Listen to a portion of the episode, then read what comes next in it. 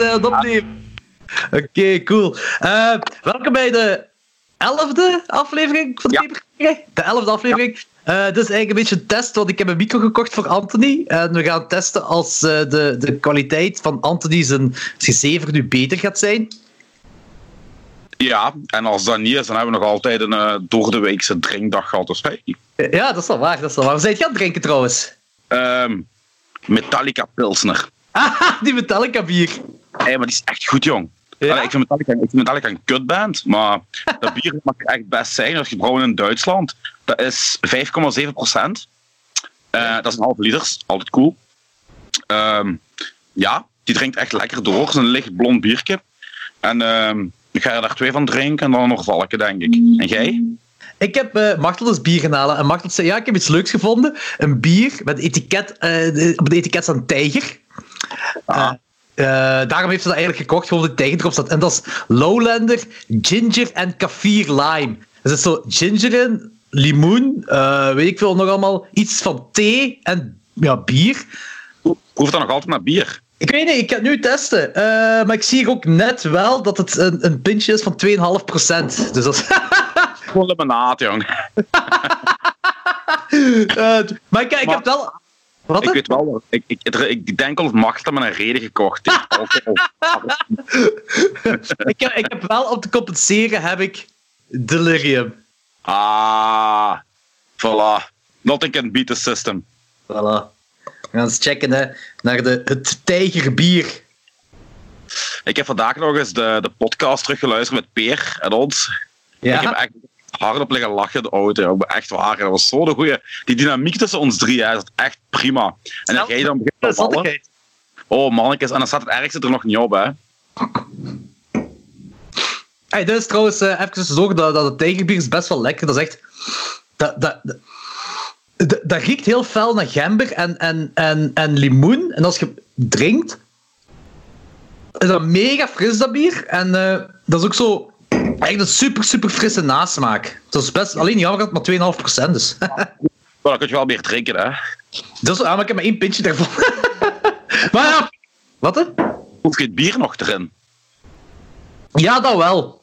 Dat wel. Het is, uh, je proeft wel nog bier. Het is ook, het is ook wel bitter, gelijk bier is.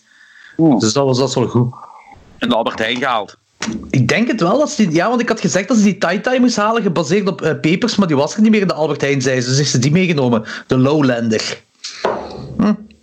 Okay. Uh, ja, die, die, die aflevering met de peer, die was echt wel... Uh, uh, maar ik, ik heb al vrij goed commentaar op gekregen. ook mensen die de peer niet kennen, zo, die echt tof vonden. dat was ook.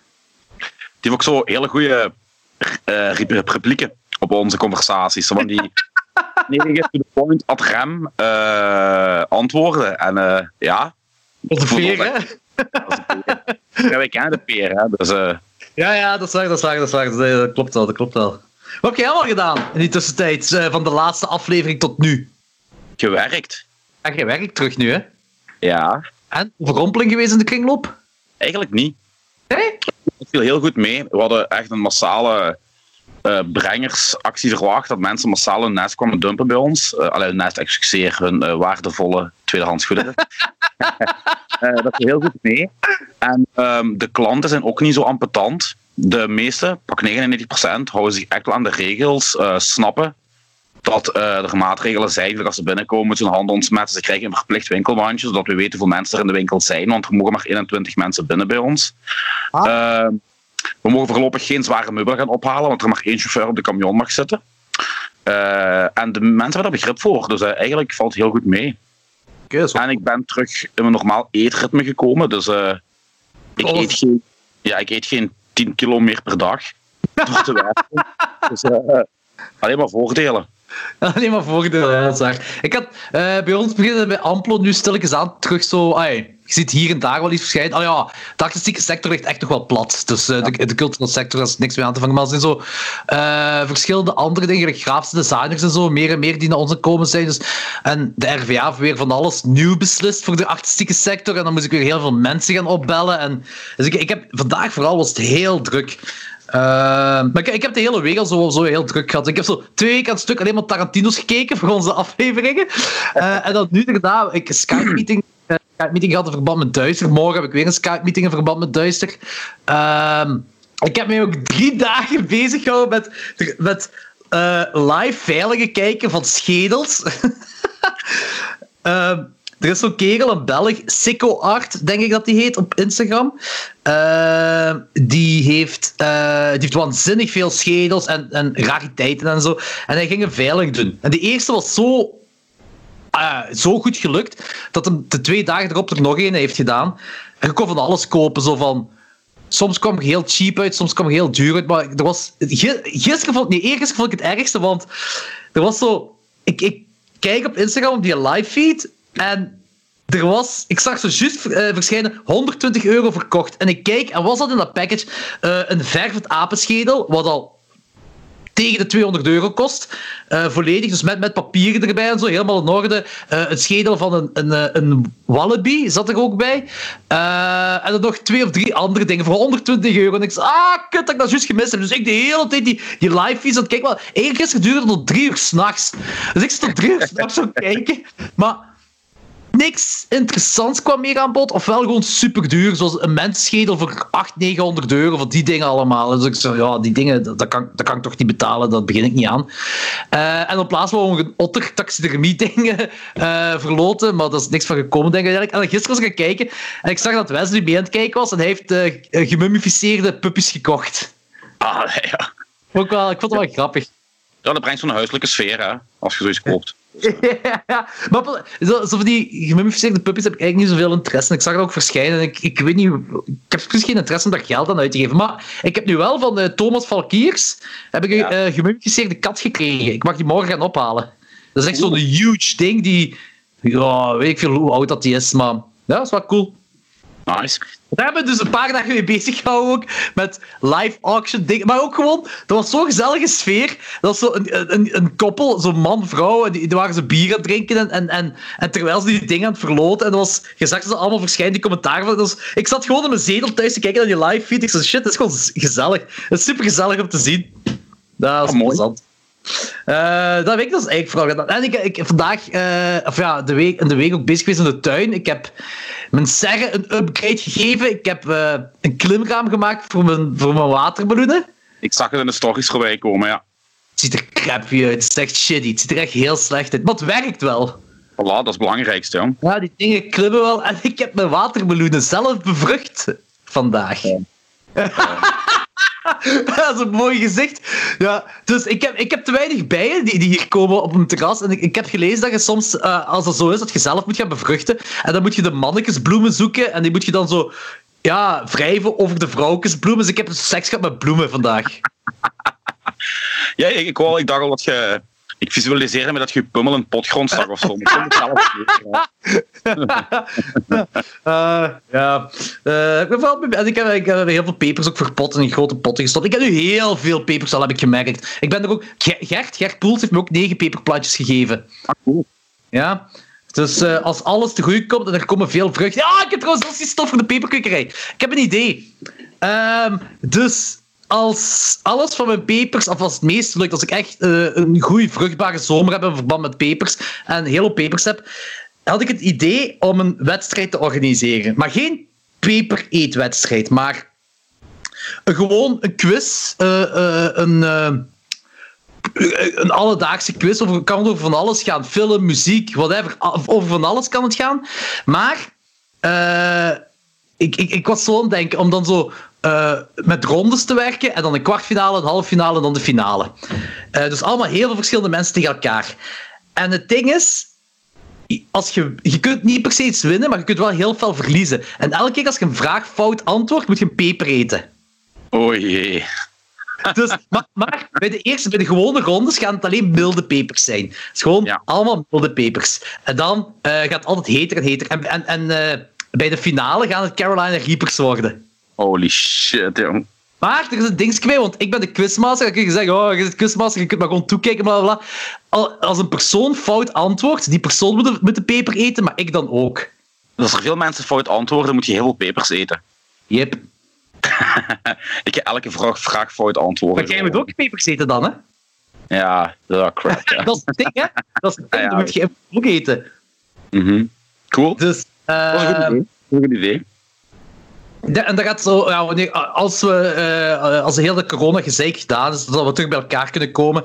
Of misschien zelfs tijdens de corona-dings, als we bij elkaar mogen komen, maar gewoon voldoende afstand houden of zo, kan dat Ja. volgens mij ook wel. Ehm, ik zorg wel voor de pepers en eh, weet ik veel, melk en yoghurt of zo. Ja. maar ik denk wel dat het iets leuks kan worden. ja, dat is ook. Goed idee. Ja. Ik ben, eh, ik ben heel psyched om de quiz voor te bereiden, nu al. Ehm, ja, wat was het denken? Ik was nog eens aan het denken. Eh, ah ja, ik heb relatief ongeschonden eh hoofdstuk 5. Omdat ik de vorige keer eh, ah, was dat niet meer in de podcast. En dacht ik misschien dan nu. Of, hoofdstuk 6 heb ik niet meer gelezen. Maar hoofdstuk 5 had al gelezen, hè? We hebben het er Ja? over gehad, hè? Ja, Maar- ik weet maar, dat hebben we niet in die, in die podcast gestopt. Nee, omdat je... Oh nee, nee, wegens verschillende redenen. We gaan het vooral houden op uw audio-kwaliteit. Buiten de technische reden, eh je hebt ook echt, ik denk, er een uur lang over liggen lullen over, over eigenlijk vijf dezelfde opmerkingen, maar je hebt er gewoon een uur over gedaan. Welke opmerkingen? Dat weet ik niet meer, jong. O- Over uw boek, over relatief ongeschonden. Hoofdstuk 5, ja. Ben ik. Wel, ai, het ding dat ik... Nu, het is ondertussen al twee of drie weken geleden dat ik dat hoofdstuk gelezen heb. Hè. Maar eh, ik weet dat die in, in die Ierse pub zitten. En, eh, en ik, Ja. hetgeen wat ik me vooral herinner is dat someone very lucky guy is. Als hij seks wil met iemand, heeft hij seks met iemand. Yep, het is een charmeur, jong. Het is een ladies man. Ja. Eh, dus die, die, die, die, ene giet op pc en zijn ding is een. PC. Wat hè? Twee grieten op PC. Dus twee giet op pc. En dan nog die conciërge. Eh, Greta. Kan dat? Ja. Greta, Maar die laat, eigenlijk een, die laat eigenlijk een halve minuut toe op het einde, hè, Greta. naar hem toe. Ja, Ja. Dat is waar. Eh, maar zo erg vindt het dat ook niet. Eh, en en, en eh, wat was nog? Ah ja, die, die Blackout. Die mega zotte Blackout. Wat me dan heel veel aan Maniac, de remake, doet denken. Wat heel raar is, want deze, dit boek is... Ai, je, je had Maniac de remake nog nooit gezien. nee, maar de, de, die was ook niet uit toen ik die scène schreef. Er was Ah, iets voilà. Ik de remake toen ik die scène schreef. Maar er zijn echt wel gelijkenissen, hè? Terwijl, Ja. terwijl heel onbedoeld natuurlijk, hè? Ja, ja dat Dat, is waar. dat vind ik wel cool, want dat, dat, is- dat, ehm, ge- gelijk sociopaten en, en, en, en psychopaten wel eens beschreven kunnen worden, dat helpt erbij, zo die blackout, hoe je dat erin beschrijft. Dus dat, dat vind ik wel heel cool eraan. Eh, en dan heb je Betsy. Betsy. Eh, Betsy, ik, ik. Wat, hè? Het nieuwe personage. Ja, ik ga het niet verraden. eh, voor de luisteraars. Eh, Betsy is, als je denkt, ik weet niet, dus dit is hoofdstuk 5, ik heb absoluut geen idee welke pagina dit is, maar je hebt al fucked up shit ge- ge- gelezen, er zijn al heel veel verschillende dingen meegemaakt, en je denkt ook, maar die Sam die heeft toch wel een paar interessante figuren rondom zich, en dan komt je Betsy tegen en denk je, oh shit, dit kan toch gewoon niet, dat is zot, dat is te zot.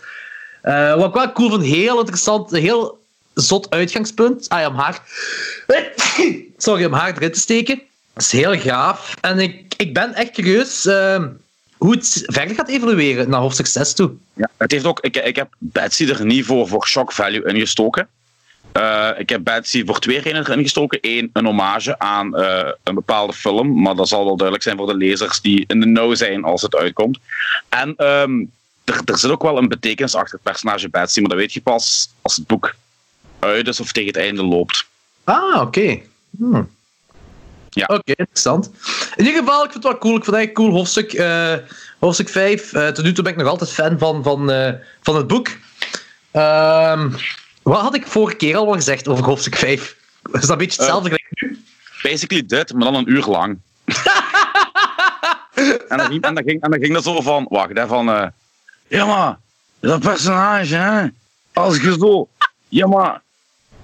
ik weet wat je ermee bedoelt als je daar zei met die hommage, hè, maar... Maar weet je...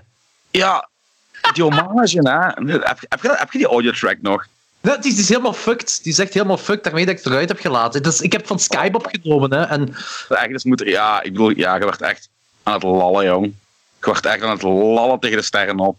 en ik zat hier maar, aha, aha, Jordi, ja, ja. En, en toen stopte je. Ik dacht van, oké, ja, en nu gaat hij vriend... En weet je wat ook, hè? En die hommage. nou, Ik zo, ah, ah, dat is toch zo leuk om zat te zijn, hè? eh, en de films hebben we toen ook nog gedaan, maar dat is ook volledig ergens eh, in de limbo.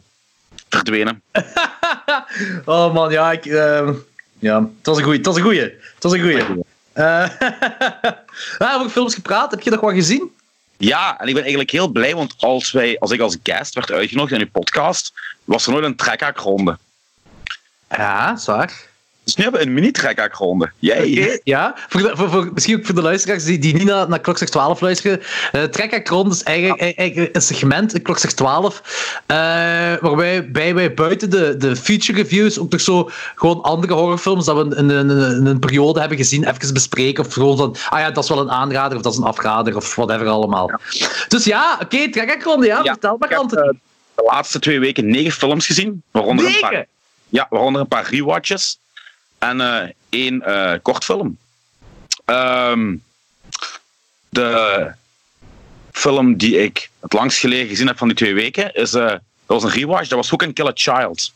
Ah ja, ja, juist. Daar heb je me op Facebook denk ik over aangesproken of zoiets. Um, ja, met, met die rewatch was ik echt gewoon compleet overdonderd, jong. En die is uh, in mijn top 25 van allerbeste films ooit geschoten.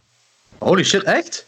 Ja, uh, hoe, lang, hoe lang is het je nog eens hebt teruggezien? Ja, ik, ja in de trekhaak bij uh, Klokslag 12 heb ik toen vermeld. Uh, ah, dat was even voordat we die, die aflevering met offscreen hebben gedaan, denk ik. Uh, dus, was dat...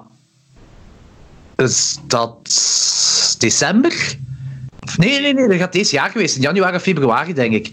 Ah ja, ja. Uh, ik, ik, denk, het zal deze jaar ergens geweest zijn, denk ik dan. Begin dit jaar of misschien eind volgend In ieder geval, uh, omdat uh, die Vanessa Morgan, die heeft, zij heeft ja. een boek geschreven over killer, child, killer kids. Maar zo, zij, zij probeert, zij, dat is wel cool. Zij probeert echt zo obscuur mogelijk te gaan. En dan zegt, zelfs ergens in een andere podcast, ik denk dat de Gremlins Strike Back had ze gezegd van, ja, en ik ga daar niet van die bekende killer kids films in steken, gelijk Who Can Kill a Child. En ik dacht zo, is die bekend? Bekend? Is dat, ja, maar zij bedoelt dan bekend onder horrorfans, denk ik. Zij wil echt obscuur, obscuur, echt ja. nog obscuurder gaan. Maar onder horrorfans, ik denk een modale horrorliefhebber, niet gelijk ons, echt een modale. Hè. van, ik kijk graag eens een keer een Friday of een Night on Elm Street of een Scream. Die gaat ook een Kill a Child echt niet kennen, hè. Je moet wel echt een doorgewinterde horrorfan zijn om die film. Tenzij uh, Ding heeft die uitgebracht. Uh, 15 jaar geleden, Jan Doense op zijn label, Mr. Horror Presents. Ah, zo, dat, dat, dat, cheap, dat was zo'n cheap label toch, hè? Ja. Ja, maar ik, ik, ik, ik, zeg, ik heb je toen in de trekker vermeld dat Danny en, en, en Lorenz, die, die hadden de film, daar hadden ze nog nooit van gehoord. Ze waren wel intrigued toen ik erover praatte. Oh, ik, ik vond trouwens dat je gaat misschien daarin volgen dat Hoe kan Kill a Child, het deed me ergens denken aan uh, een film waar ik helemaal geen fan van ben, maar waar ik van u moest kijken in onze laagjesaflevering van Klok 12. Uh, Island of Dead. Uh, door het eiland. desolate eiland. Ja. ja. ja. Maar die film ja, is echt uh, ja, 100.000 trappen hoger dan Island ja, ja, ja, dat vind ik ook wel. Dat vind ik, ook. ik heb die misschien helpt, ik heb die ook in de perfecte setting gekeken. Uh, ik heb die in een paar delen moeten kijken. Want als ik s'nachts ga slapen met mijn vrouw, dan kijken wij nog zo. Wat hè? Geschik. Nee, maar dat is gewoon dat ideaal. Weet je, we kijken altijd zo een, een, een happy sitcom, meestal iets Brits of, of iets gelijk Seinfeld of, of zo. En daarna gaat zij slapen en dan nog even een stuk van de film. Dus het was helemaal donker. En dan zo, ja, dan die film. Terwijl alles, terwijl je eigenlijk quasi geïsoleerd bent in de slaapkamer. En dan die film. En, en ja, dat, dat pakt je gewoon, jong. Dat pakt op je adem. Die film is zo. Want gelijk in de eerste drie kwartier gebeurt er eigenlijk niks. Niks. Die wandelen gewoon op het eiland. Maar die film die kruipt onder je huid. Gelijk Hereditary onder je huid kruipt. En je denkt altijd van... ja, je voelt gewoon van... Ja. Je voelt het wel, hè? Je voelt hem. En die, zo, die kleurenfilter is heel gelig, waardoor alles toch zo wat claustrofobischer overkomt. Ondanks er heel veel oppervlaktes zijn in, in, in, in die film in het dorp. En uh, ja, dat is gewoon voor mij een van de meest bleke en nihilistische films ooit gemaakt. En er zit helemaal niet veel geweld in, gore, maar dat hoeft ook niet. Die film is effectief op een psychologische manier. Ja, ja voilà, inderdaad. Het is niet gore nu niet, maar ik, ik vond hem wel, ik vond hem uh, uh, uh, brutaal wel. Ja. En ook die, die wanhoop van die twee personages, dat straalt echt van hun af. Hm? En ik wil niet in spoilers gaan, maar dat koppel dan, wat er dan uiteindelijk met die vrouwen allemaal aan de hand is en toestanden, en dat einde ja, magistraal. Misschien even voor de luisteraars kaderen. Dat gaat over een eh, koppel, een jong koppel, eh, waarvan de vrouw zwanger is. En die zit op ergens op een eiland op, in Spanje. Happy, happy, er is feest overal, la la la. En die gaan naar een eilandje. Die varen af naar een eilandje wat op vier uur eh, met de boot zich van Spanje bevindt. want dat is een leuk dorpje, daar is nog alles heel traditioneel en bla bla bla. En die man die komt, die komen daar aan in dat dorp. En op het eerste zicht is er niemand. Dat dorp lijkt verlaten, maar volledig uitgestorven, wat heel raar is. En ze gaan dan op zoek en ze vinden dan een hotel en er is niemand. En op een bepaald moment komen ze spelende kinderen tegen. Gewoon spelende kinderen, random. En uh, ja, na een tijdje beseffen ze dat er toch iets gaande is met die kinderen. En dan. Uh, shit is ja. the fan, hè? Ja, inderdaad. En, uh, ik vond dat einde deed me ook denken aan. Uh, Night of the Living Dead, het einde. Snap ik, ja.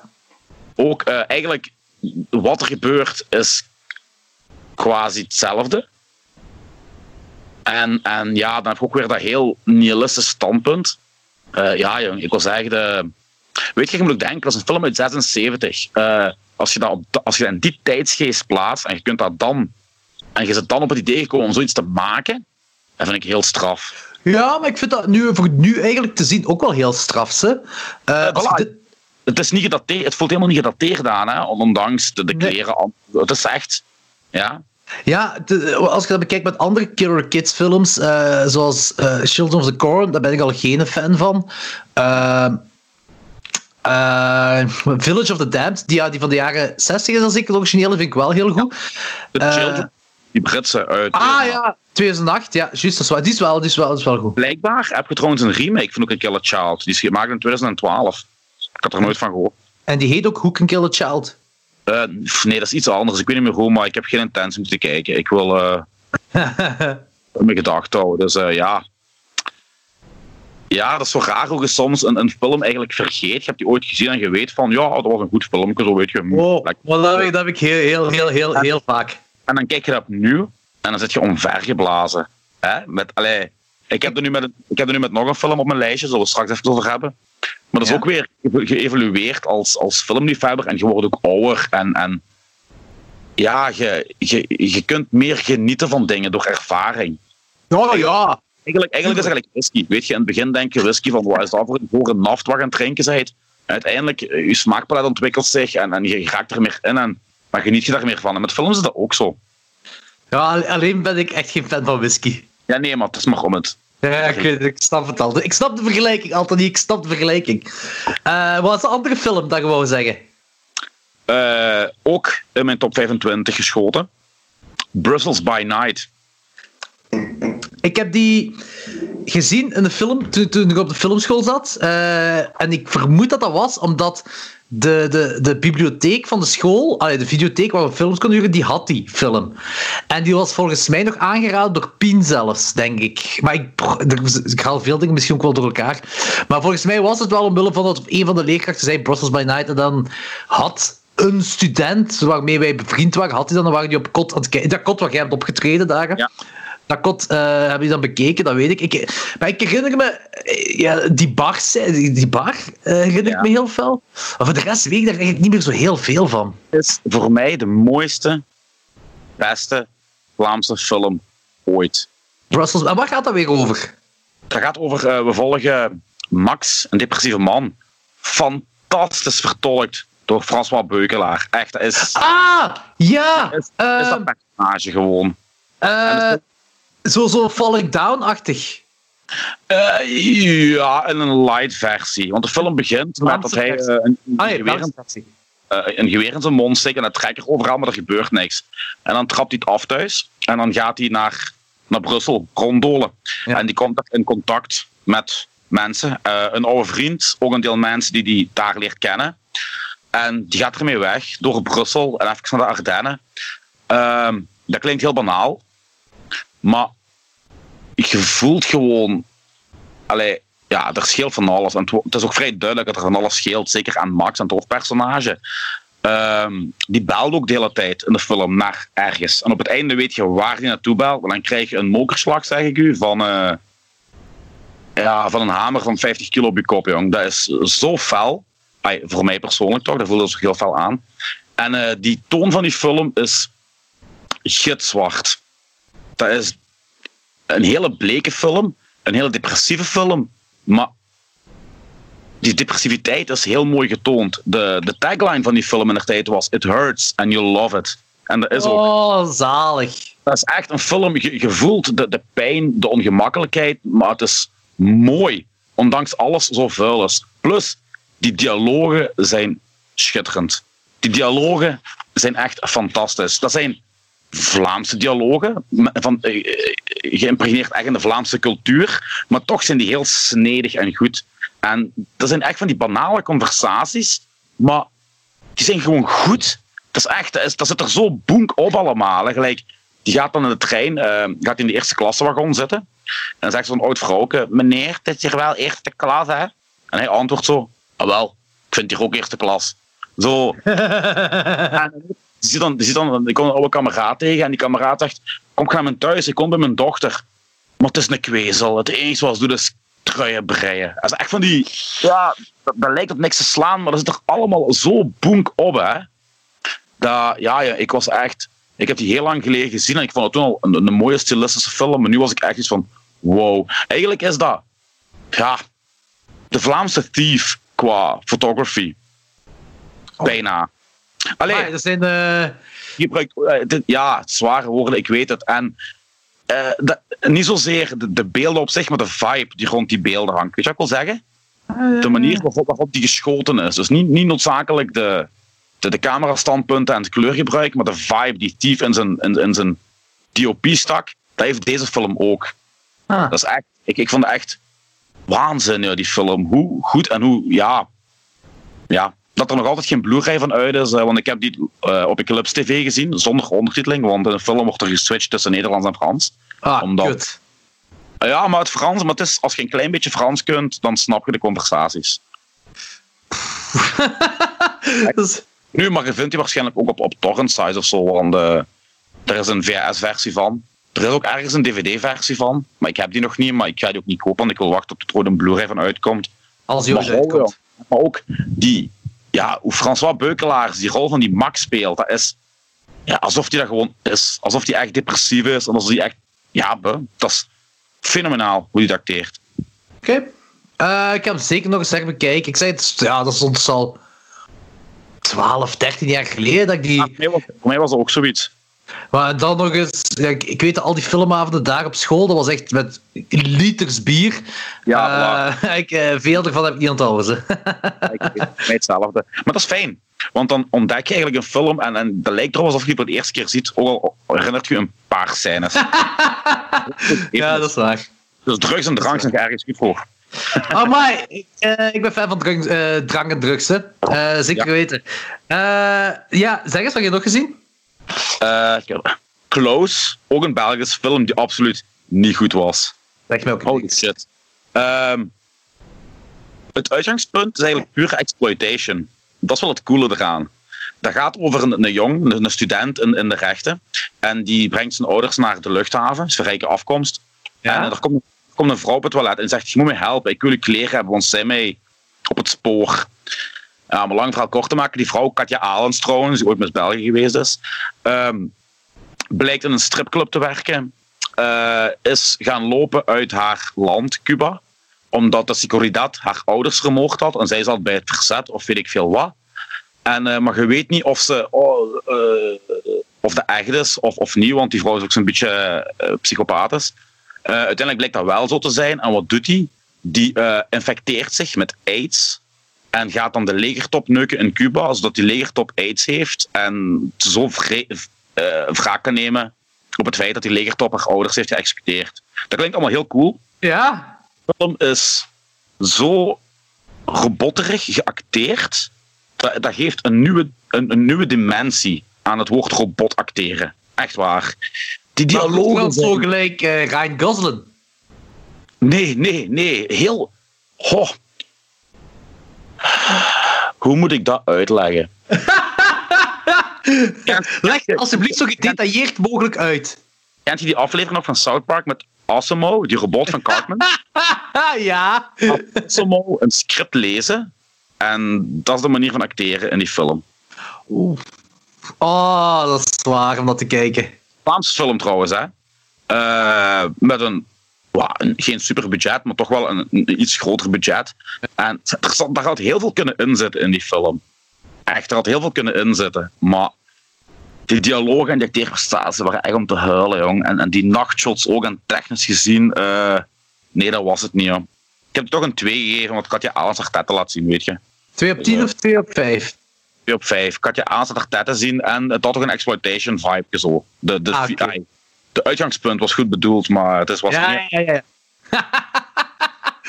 oh, zalig. Wat heb ik nog gezien? Ik heb een ehm, redelijk obscure Giallo gezien, een Spaanse Giallo uit 1976 met Paul Nashi. Kent je. Paul Nashi? Misschien, wie is dat? Eh, Werewolf vs. The Yeti, Spaanse cult horroracteur. Paul Nashi. Ik denk niet dat ik die ken. Oké. Film heet Blue Eyes of the Broken Doll. Zeg me zelfs niks qua naam. Ik had die op VHS, ik had die nooit gezien. Dacht, nou, toch eens kijken. Op zich niet slecht, maar ook niet supergoed. Ehm het gaat over een, een, een kerel die komt bij drie gezusters terecht. Eén gezuster is ehm, verlamd, zit in een rolstoel. En de andere zus heeft een houten hand, wegens... Ik ben nu al fan. Er worden, ja... eh, de moordenaar heeft het gemunt op blonde vrouwen. En die haalt de ogen eruit en verzamelt de ogen in een schaaltje. Klinkt heel gory, maar dat is het niet. Eh, Een paar gory scènes. Nu, de tape die ik had, die was heel donker, dus ik zag voor de helft van had sowieso niet veel. Eh, was een vrij leuke Jallo, maar alleen die had eh, heel weinig laagjes. Ah. Die had maar drie laagjes. Maar drie laagjes. dat is heel moeite weinig. niet. Ze moeite niet. Want ik, ik niet aan. ik, wist, ik wist eigenlijk onmiddellijk van... Ik weet ook niet waarom ik zei van... Ja, that's the killer. En dat was ook. Maar Die in Red waren gewoon niet goed. Nee, de Red Hangs waren absoluut niet goed. Maar wel, weet je, als, als Jallo completist, completist, completist, eh, ja, ik wil gewoon, ik heb me ook voorgenomen, gelijk mijn eh, collega-connoisseur Franco Lamerix, om gewoon alle Jallos, alle Jolly ooit gemaakt te zien. Eh, dat is een hele zware opdracht, want er zijn er heel veel gemaakt. Heel veel die niet te vinden zijn, ook al niet, en ook heel veel slechte Jolly. Heel saai. Ja, maar deze had wel nog een, een leuke pacing. Ondanks er ook niet zo heel veel in gebeurde. Je werd wel redelijk, redelijk mee met het verhaal. Ik heb ook een 3 gegeven. Eigenlijk viel die nog vrij goed mee. Maar het was geen eh, topper, zeker niet. Wat, wat, wat is in uw ogen een, een, een jello dat je kunt aanraden aan iemand die één, niks van horror kent en twee, eh, niet into trage films is? Goh. Dat is moeilijk. Dat is echt heel moeilijk. Ik zou zeggen Deep Red, maar Ik zou zeggen opera. Opera, juist. Weet je, Deep Red zou ik aanraden aan iemand die niet noodzakelijk in het horror is, maar wel veel van films kent. Of toch al iets verder kijkt dan de standaard mainstream crap, weet je? Maar gelijk gezegd, iemand die eh, nog niet zo hard into films is, opera. Dat is een goeie. Ja, het is gewoon omdat wij, wij, hebben, eh, we hebben bij de peperkikkerij... Wat? hè? Dat is een van de meest toegankelijke Jolly die er zijn. Die er is. Ja. Ah, wel, dat is wat ik ook denk. Want, want bij de peperkikkerij hebben wij eh, eh, de helft, ik denk wel alle klokslag 12 eh, luisteraars, of de helft. Wat ook. Maar we hebben ook een heel deel luisteraars, maar absoluut niet into horror. die, luisteraars zijn niet into horror. En, of gewoon zoals die vluchtig een horrorfilmpje willen kijken of zo. Ehm, dat- zijn mensen waarbij Jello-films zijn moeilijk aan te raden bij zo'n mensen. Jellies, dat gaat, een ding niet zijn. Maar dan was ik tot denken, misschien is er wel ergens ter wereld een, een jello dat, dat ze wel tof vinden. Dan denk ik opera wel, omdat opera is heel, wat je zei ook, toegankelijk. Ehm, dat daar steekt een gigantisch groot budget in en, en die gaat heel snel vooruit. En dat bedoel ik niet. Ik bedoel niet dat andere jelly daarom slecht zijn, dat die traag zijn, maar die gaat wel heel snel vooruit. En die eh soundtrack is heel bombastisch. Dus Ja. bijna constant kills erin. Dat, dat, dat heel dat spel met die ogen in zot.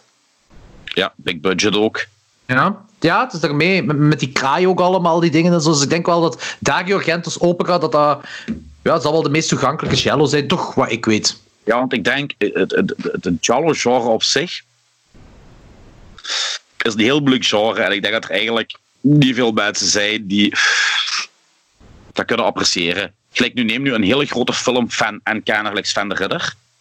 Die eh, had ooit, ik zag dat hij in The Groundland Strikes Back 5 Dollars for an August Moon had besproken van Bava. Ik zo, oeh, fijn, hè? ik vreugde me gans. En die hebben die volledig afgekraakt tot het bot. En ik van, allee, jong. Dat is eigenlijk gewoon Agatha Christie, de tien kleine negertjes, maar dan in, in, een Jallo gegooid. En dat, ik vond een hele leuke Jallo. En dan hoort je Sven, een van de grootste filmkenners en, en, uh, van België te koer, die film volledig afkraken. En dan weet je al maar eens weer, dan besef je al maar eens weer van ja, het Jallo-genre is echt voor heel weinig. Ja, maar, maar Sven, die, uh, ja, hij is een heel grote fan van die 80s films en echt cinema, cinema. Maar dat kan van alles zijn. Dat kunnen ook de jaren 30 films zijn, daar niet van. Uh, maar ik, ik weet nog, toen, uh, toen we hadden ontmoet voor Duister, waar we aan het zeven over recent uitgekomen horrorfilms. En uh, toen ging het over Mandy. En hij oh god, nee, niet Mandy.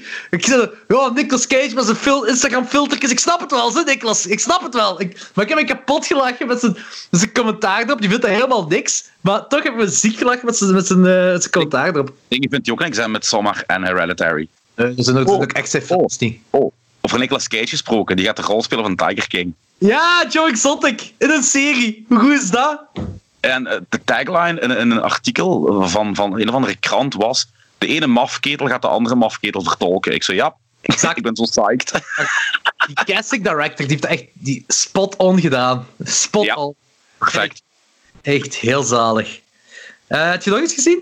Ja, de tweede film van Luc Besson, Subway. Nee, die heb ik niet gezien. Denk Luc Besson, die kent jij van Leon, hè? Ja, ja, Leon. En uh, ding is Nikita ook. Nee, La Femme Nikita. Ja, ja Nikita. Subway was een tweede film. Uh, die begon heel goed, maar gaandeweg verloor die film mee. Ah. Het gaat over een, een, een, een kerel die uh, brandkasten kraakt en uh, zich op een of andere manier verschuilt in de metro van Parijs. En daar leven allerlei mensen. Geen creaturen, echt gewoon mensen. En dan komt er een liefdesverhaal bij te pas en zo. Film begon heel goed, hele, hele dikke pacing, ehm, goede stuntwerk ook. En daarna was het zo, nee. Dus nee, ik was niet, niet mee. Ah, oké. Okay. Jammer. Dan heb ik nog een hele goede Eurocrime film gezien. Ah ja? Wat? Young, Violent and Dangerous. Uh, in het Italiaans heet die um, Liberi, Armati e Pericolosi. Een hele andere vertaling als Young, Violent, Dangerous. En het fijne aan die film is, uh, die gebruikt een ander uitgangspunt. Uh, het zijn ook gangsters, maar het zijn eigenlijk drie jongeren. Echt zo jongens van 20 jaar die gaan een rampage gaan. Die gaan uh, een bank overvallen, een warenhuis en zo. Die zijn heel medogeloos. Die uh, schieten gewoon voor een plezier mensen neer tijdens die overval. En uh, het liefje van een van die ehm, criminelen, die gaat, gaat in het begin van de film al aan de flik en die zegt van kijk, uh, mijn vriendje is op het slechte pad en die gaat een overval plegen. En doe daar iets aan. En die flikker wil dan begin geloven of zeggen van ja, en zij zegt, ja, maar ik denk dat er speelgoedgeweren zijn. Er blijken geen speelgoedgeweren te zijn. Die maaien echt iedereen neer. En uh, de flik is Thomas Milian. In, uh, met snor, eigenlijk vrij onherkenbaar. En die gaat die achterna. Maar die film is heel snel. Die gaat heel goed vooruit. Die is niet gory, maar wel gewelddadig en, en ja, gewoon leuk. Omdat een heel ander standpunt is. Weet je, er zijn zoveel Eurocrime films gemaakt. En de regisseur is Fernando Di Leo. En hoe heet hij weer? Jong Violent and Dangerous. Young, Violent and Dangerous. Je hebt die op uh, Voor, DVD. Voor jaar is het film? Uh, 75 of zo zal, zal zich dat situeren. Ah, oké. Het enige wat die film niet heeft, wat andere Eurocrime films wel hebben, is een uh, goede soundtrack. Die film heeft geen goede soundtrack. Die heeft eigenlijk geen soundtrack. Ah, geen maar, soundtrack? Nee, maar wel echt, echt een fijne film. Het gaat heel goed vooruit, heel vlot. Uh, ja, toppertje. Cool, cool om te horen. Zeker voor mijn watchlist. Ik, heb ben, uh, ik kan ondertussen beginnen aan mijn delirium. Ja, school. Ik ga er ook nog, uh, ik ga er nog valken pakken, direct, denk ik. Na mijn filmronde. Ik heb er nog een paar. Uh, ja, zeg maar. Ik heb Boerenpsalm nog eens gezien. Boerenpsalm. Dat zegt me niks. Felix Timmermans is een van mijn favoriete Vlaamse schrijvers.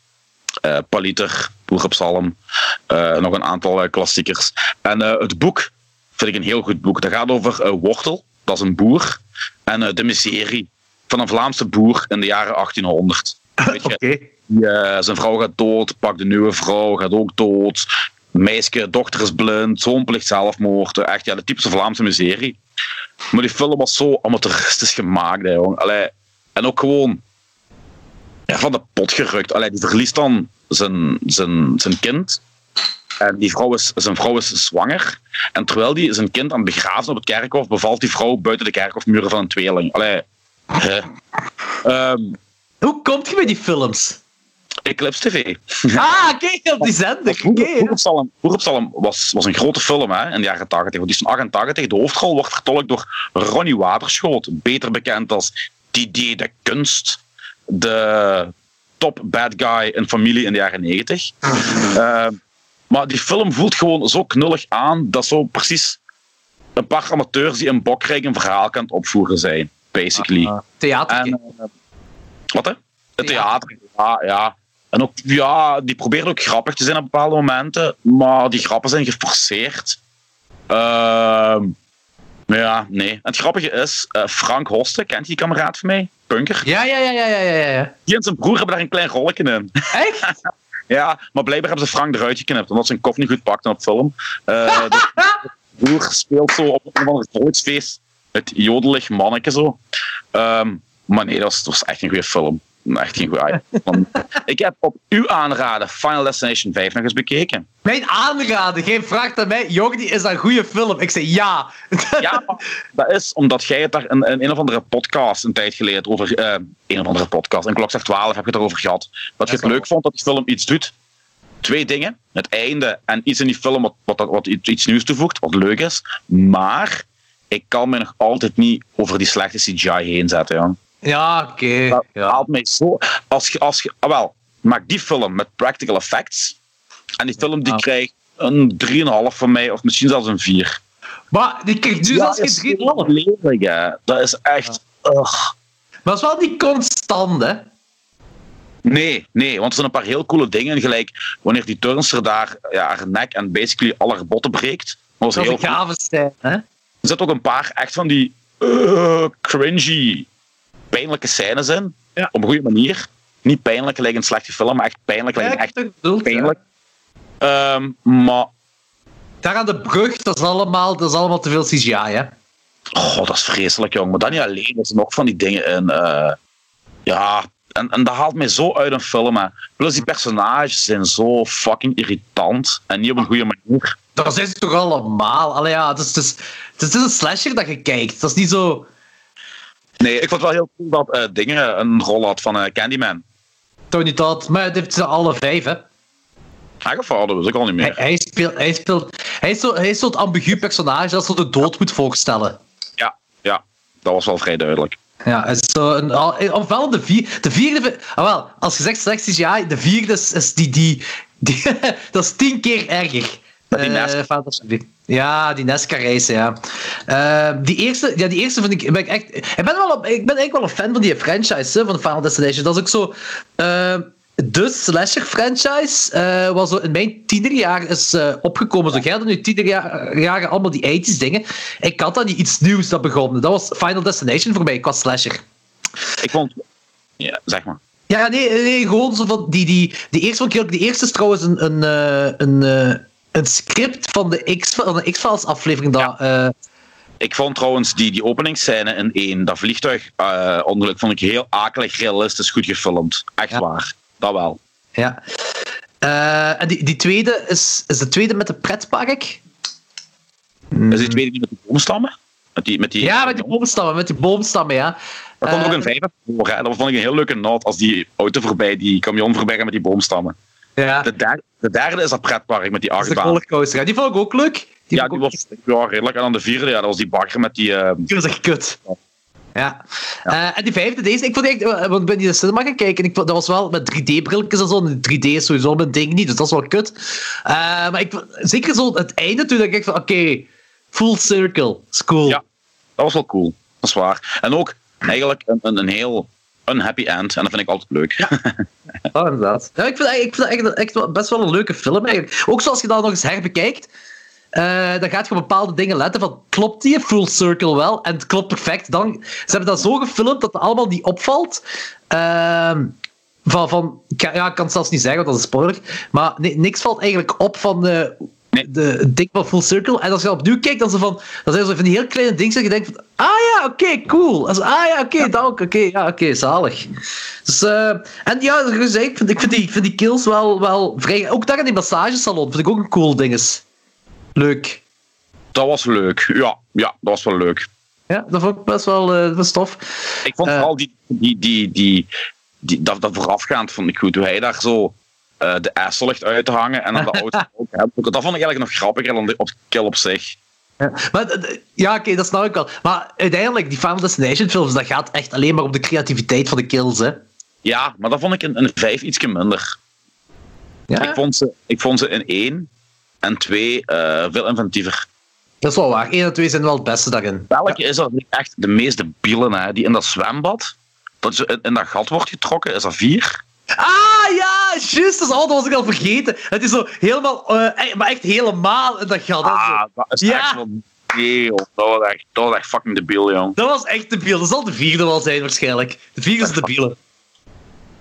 Hm. Dan heb ik nog eentje gezien. Uh, The Invitation. Ah, die gaan wij nu met Klokslag 12 doen. Ah, en de volgende? Ja, en de volgende. Ja, degene die nu gaat uitkomen, die hebben wij ja. een paar dagen geleden opgenomen. Daar gaat in zitten, maar hetgene wat daarna komt. Ah, cool. Was dat een eerste watch voor uh, Lorenz en Danny? Nee, nee want uh, ik heb uh, nog juist voor de podcast begonnen.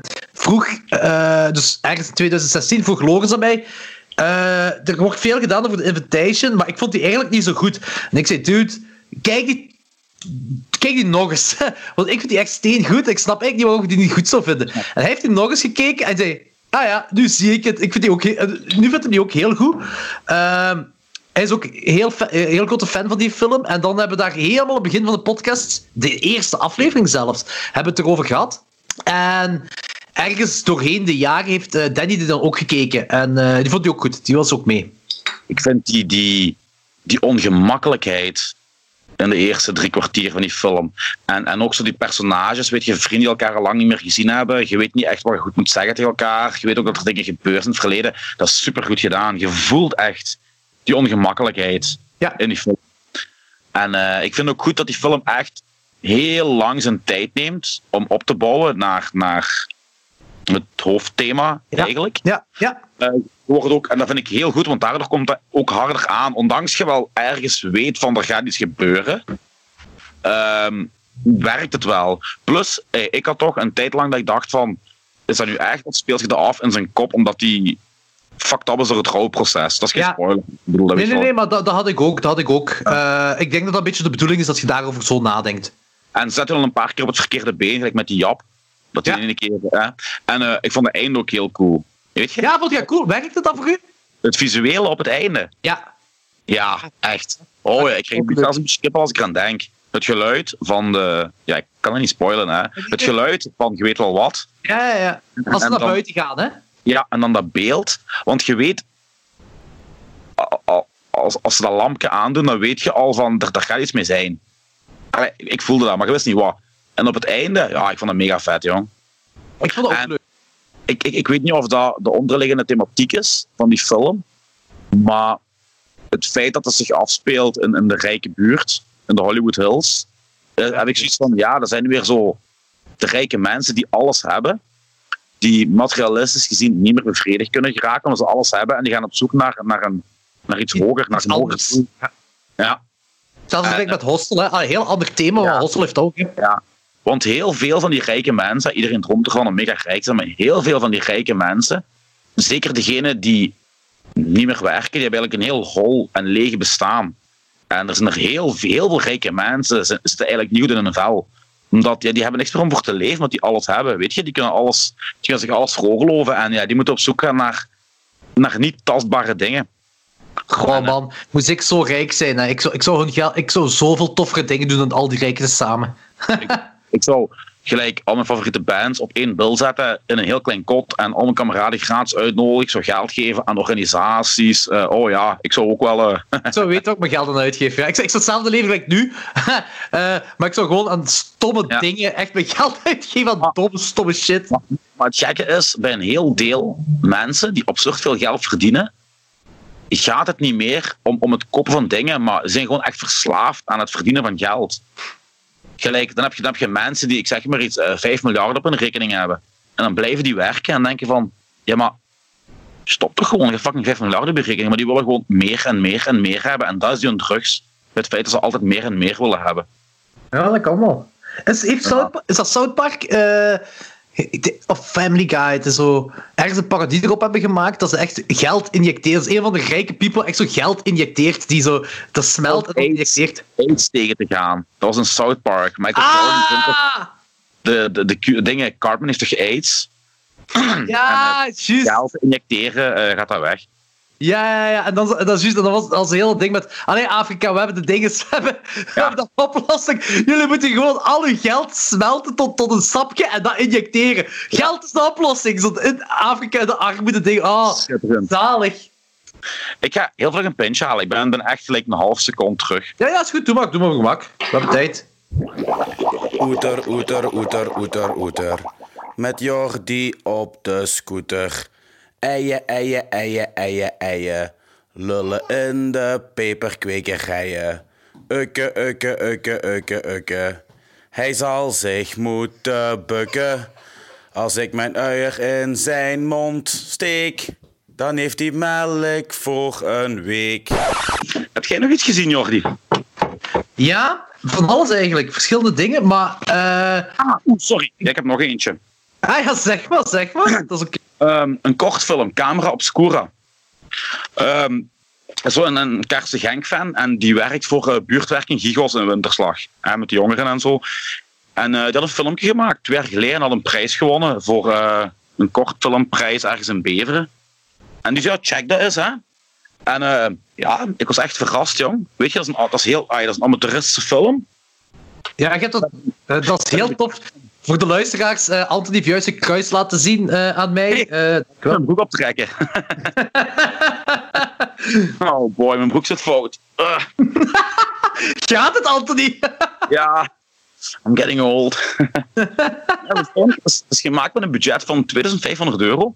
Ja? Maar ik heb het hem gevraagd, maar hij heeft nog geen antwoord gegeven. Ik vraag me af of er geen pros bij zitten, want de, de belichting, het geluid en de photography ziet er eigenlijk wel vrij professioneel uit. En voor die prijs straf gedaan, ja.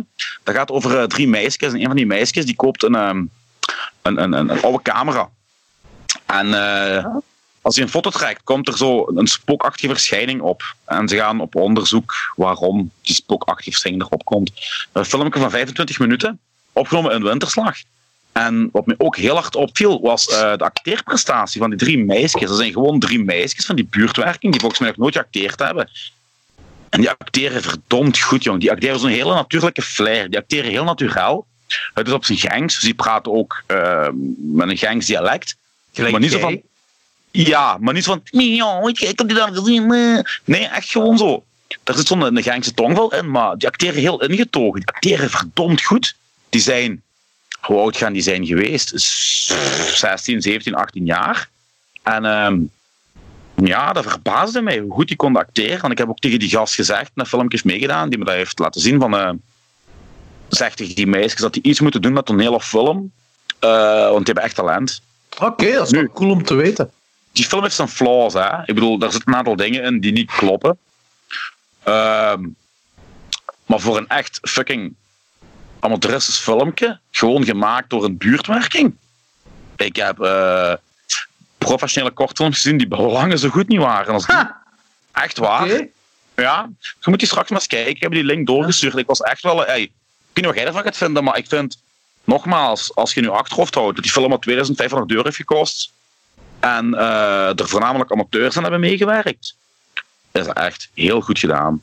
Ja, ja we zijn sowieso al fan om te kijken naar uh, extreem low budget dingen. Ik, ik, ik, heb zoveel van die dingen al gezien, dus... Het voelt niet low budget aan. Dat vind ik nog het chicste van al. Ah, oké. Okay. vind ik, persoonlijk. Ja, ja, maar dat kan, dat kan, dat kan. Ik ben serieus. Nee, ik, ik, kijk er zeker uit. Ik had het over verteld. Ik kijk echt wel naar uit. Voor camera's, uh, camerastandpunten ook. Heel goed voor uh, amateurs, maar ja. Oké, okay, cool. Kijk naar uit. Camera obscura. Goed, ik ga hem straks kijken. Uh, ik heb van alles gezien. Uh, maar ik, de horror dingen, daar ga ik naar het klokslag 12. Uh, anders ben ik dubbel dingen aan het vertellen. Uh, dan heb ik niet zoveel goesting om dubbel dingen te vertellen. Maar ik heb vooral Netflix dingen gekeken. Ah, trouwens, The Invitation, ook voor de luisteraar, staat op Netflix.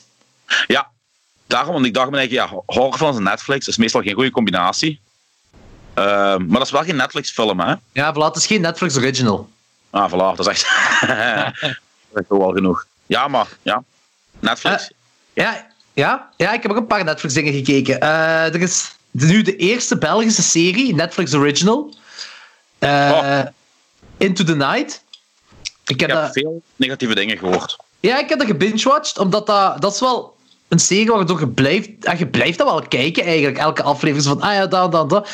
Maar het is Hoeveel niet echt zijn er? zes of zeven, denk ik. Van zo'n 50 minuten of zo. Ja, ja, zoiets zal het wel zijn, ja. Ehm, ja, het gaat over eh de dude eh, die steelt een, machinegeweer aan de luchthaven van een of andere soldaat of zo, of whatever. Eh, en die vlucht daarmee het vliegtuig in en die dwingt die vliegtuig naar het westen te vliegen. Zo begint dat. Naarmate de serie verder gaat, wordt wel duidelijk waarom ze naar het westen willen vliegen.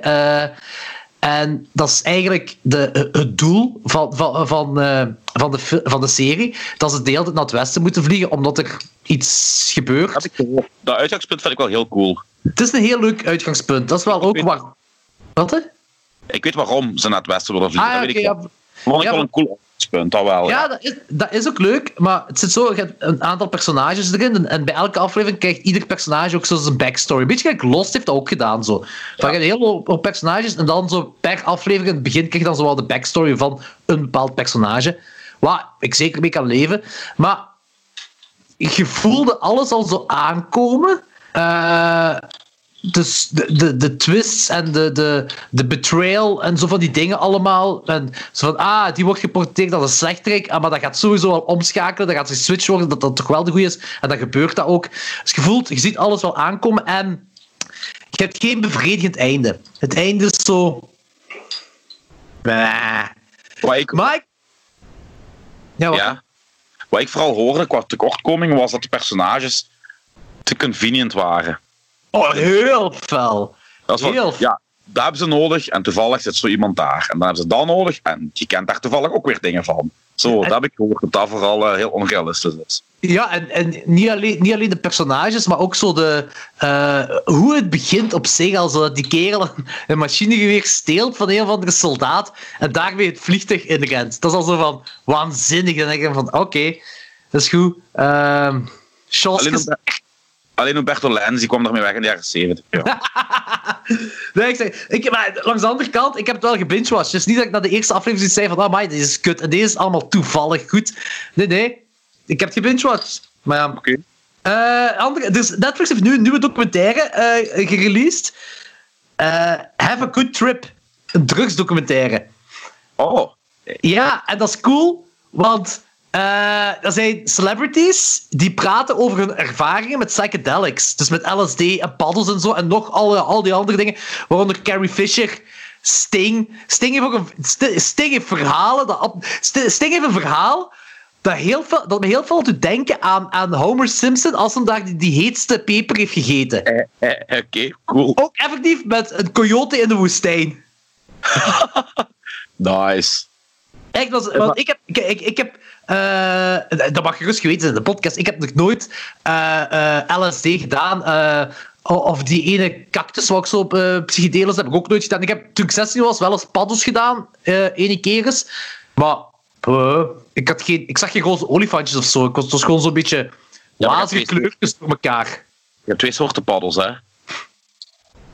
Tell me. Je hebt, ja, de, ja, ik ken de juiste benaming niet, maar je hebt dus de paddels waar je heel veel van hallucineert, visueel. En dan heb je de andere soort paddenstoelen waar je licht van hallucineert, maar waar je zo meer een, een, een trip maakt naar je onderbewuste. Ah ja, dat, dat heb ik wel eens gehoord. Maar bij mij was het dus echt... Ik, ik- ja, ik, ik-. Ja, maar ik, ik, ik, eh, toen ik 16 of 17 was, heb ik dat eens gedaan aan, aan de plas in Kelligtroef. En hetgeen wat ik me gewoon herinner is dat de, het water dat zo... eh, ik wil niet zelfs geen kleuren zeggen, tinten meer of zo, dat zo door elkaar mengt of zoiets. Het was iets heel raar. Eh, maar ik zag geen roze olifant. of zo. Maar die, die mensen, gelijk Carrie Fisher en, en Sting en, en er nog, er was een kerel die al meer dan 500 keer LSD had genomen.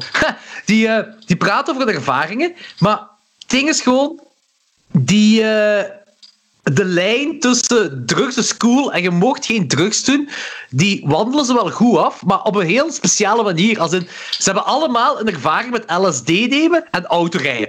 En ze, praten daar heel luchtig over. Ja, ja, echt mega zot. Ze praten daar zo luchtig over. Ja, ja, ding is ook Sarah Silverman. eh, zei ook, zei, yeah, and my buddy was driving and we... eh, En, en, en was dan vertellen, ah ja, dan, dan stonden ze voor de verkeerslichten en die kleuren begonnen op en af te bewegen en we keken naar elkaar en dan terug naar voren en dan hadden we van, ja, toen hadden besloten, ja, doe geen LSD en rijden te samen. Ja, dat lijkt me eigenlijk heel logisch. Ja, maar, maar al die celebrities die zijn erover gepraat over rijden en, en, en LSD. Echt rare shit. Maar ik heb wel heel erg van genoten. Die is heel luchtig gemaakt. Er komt ook een, een, een psycholoog dat zo uh, bezig is met de wetenschap van uh, psychedelics en, en uh, verschillende mentale ziektes. om, hoe dat met elkaar kan linken en, en dat allemaal.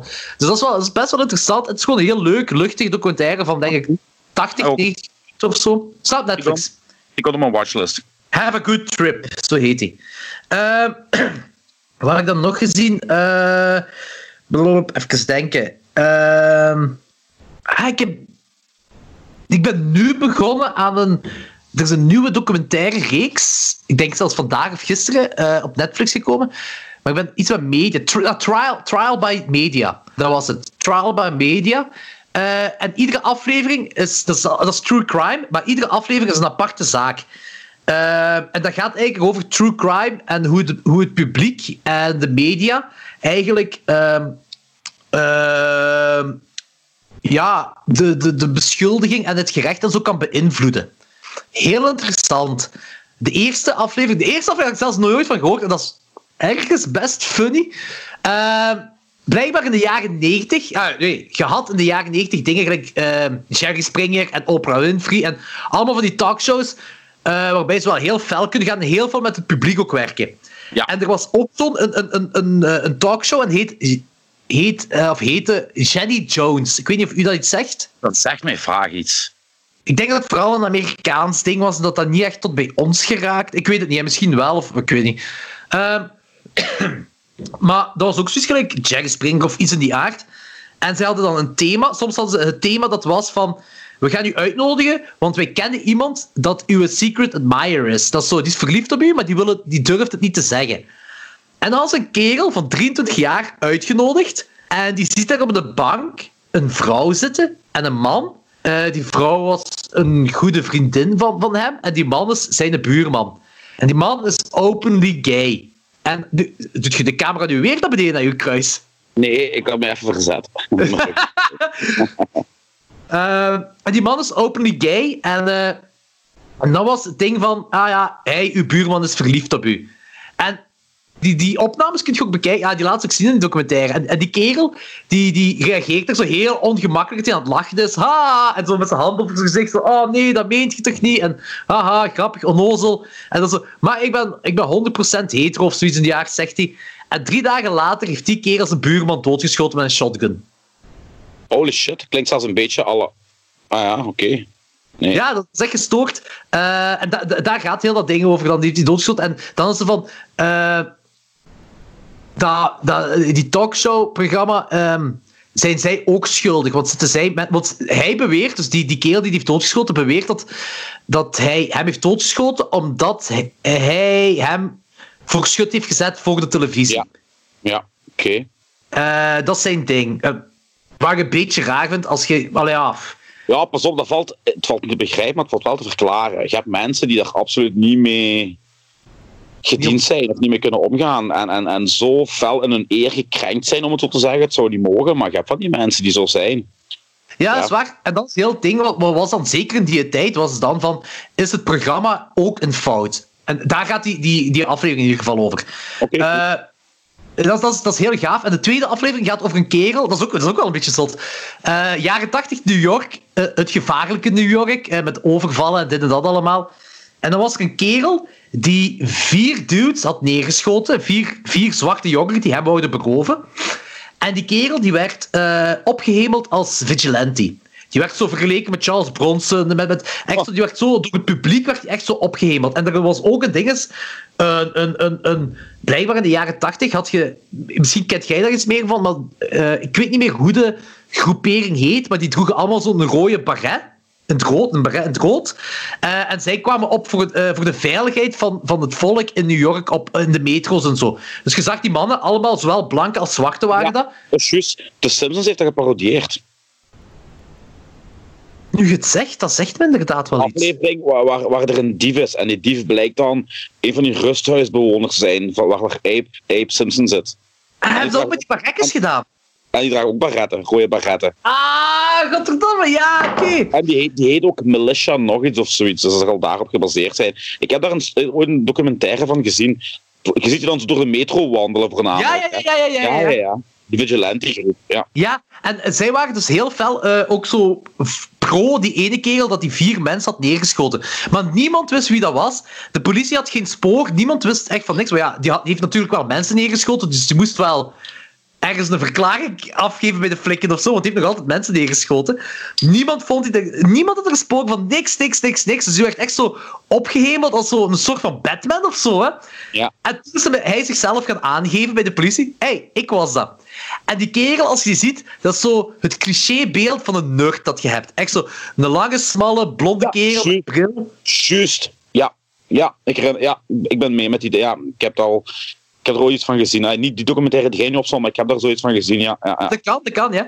En, eh, en, en, en, en, door dat beeld te zien, wordt hij nog meer opgehemeld als vigilante. En, en eh, zeggen ze van, ja, maar die heeft zichzelf verdedigen, dit en dat allemaal, bla. Dus die hele groepering ook helemaal pro hem.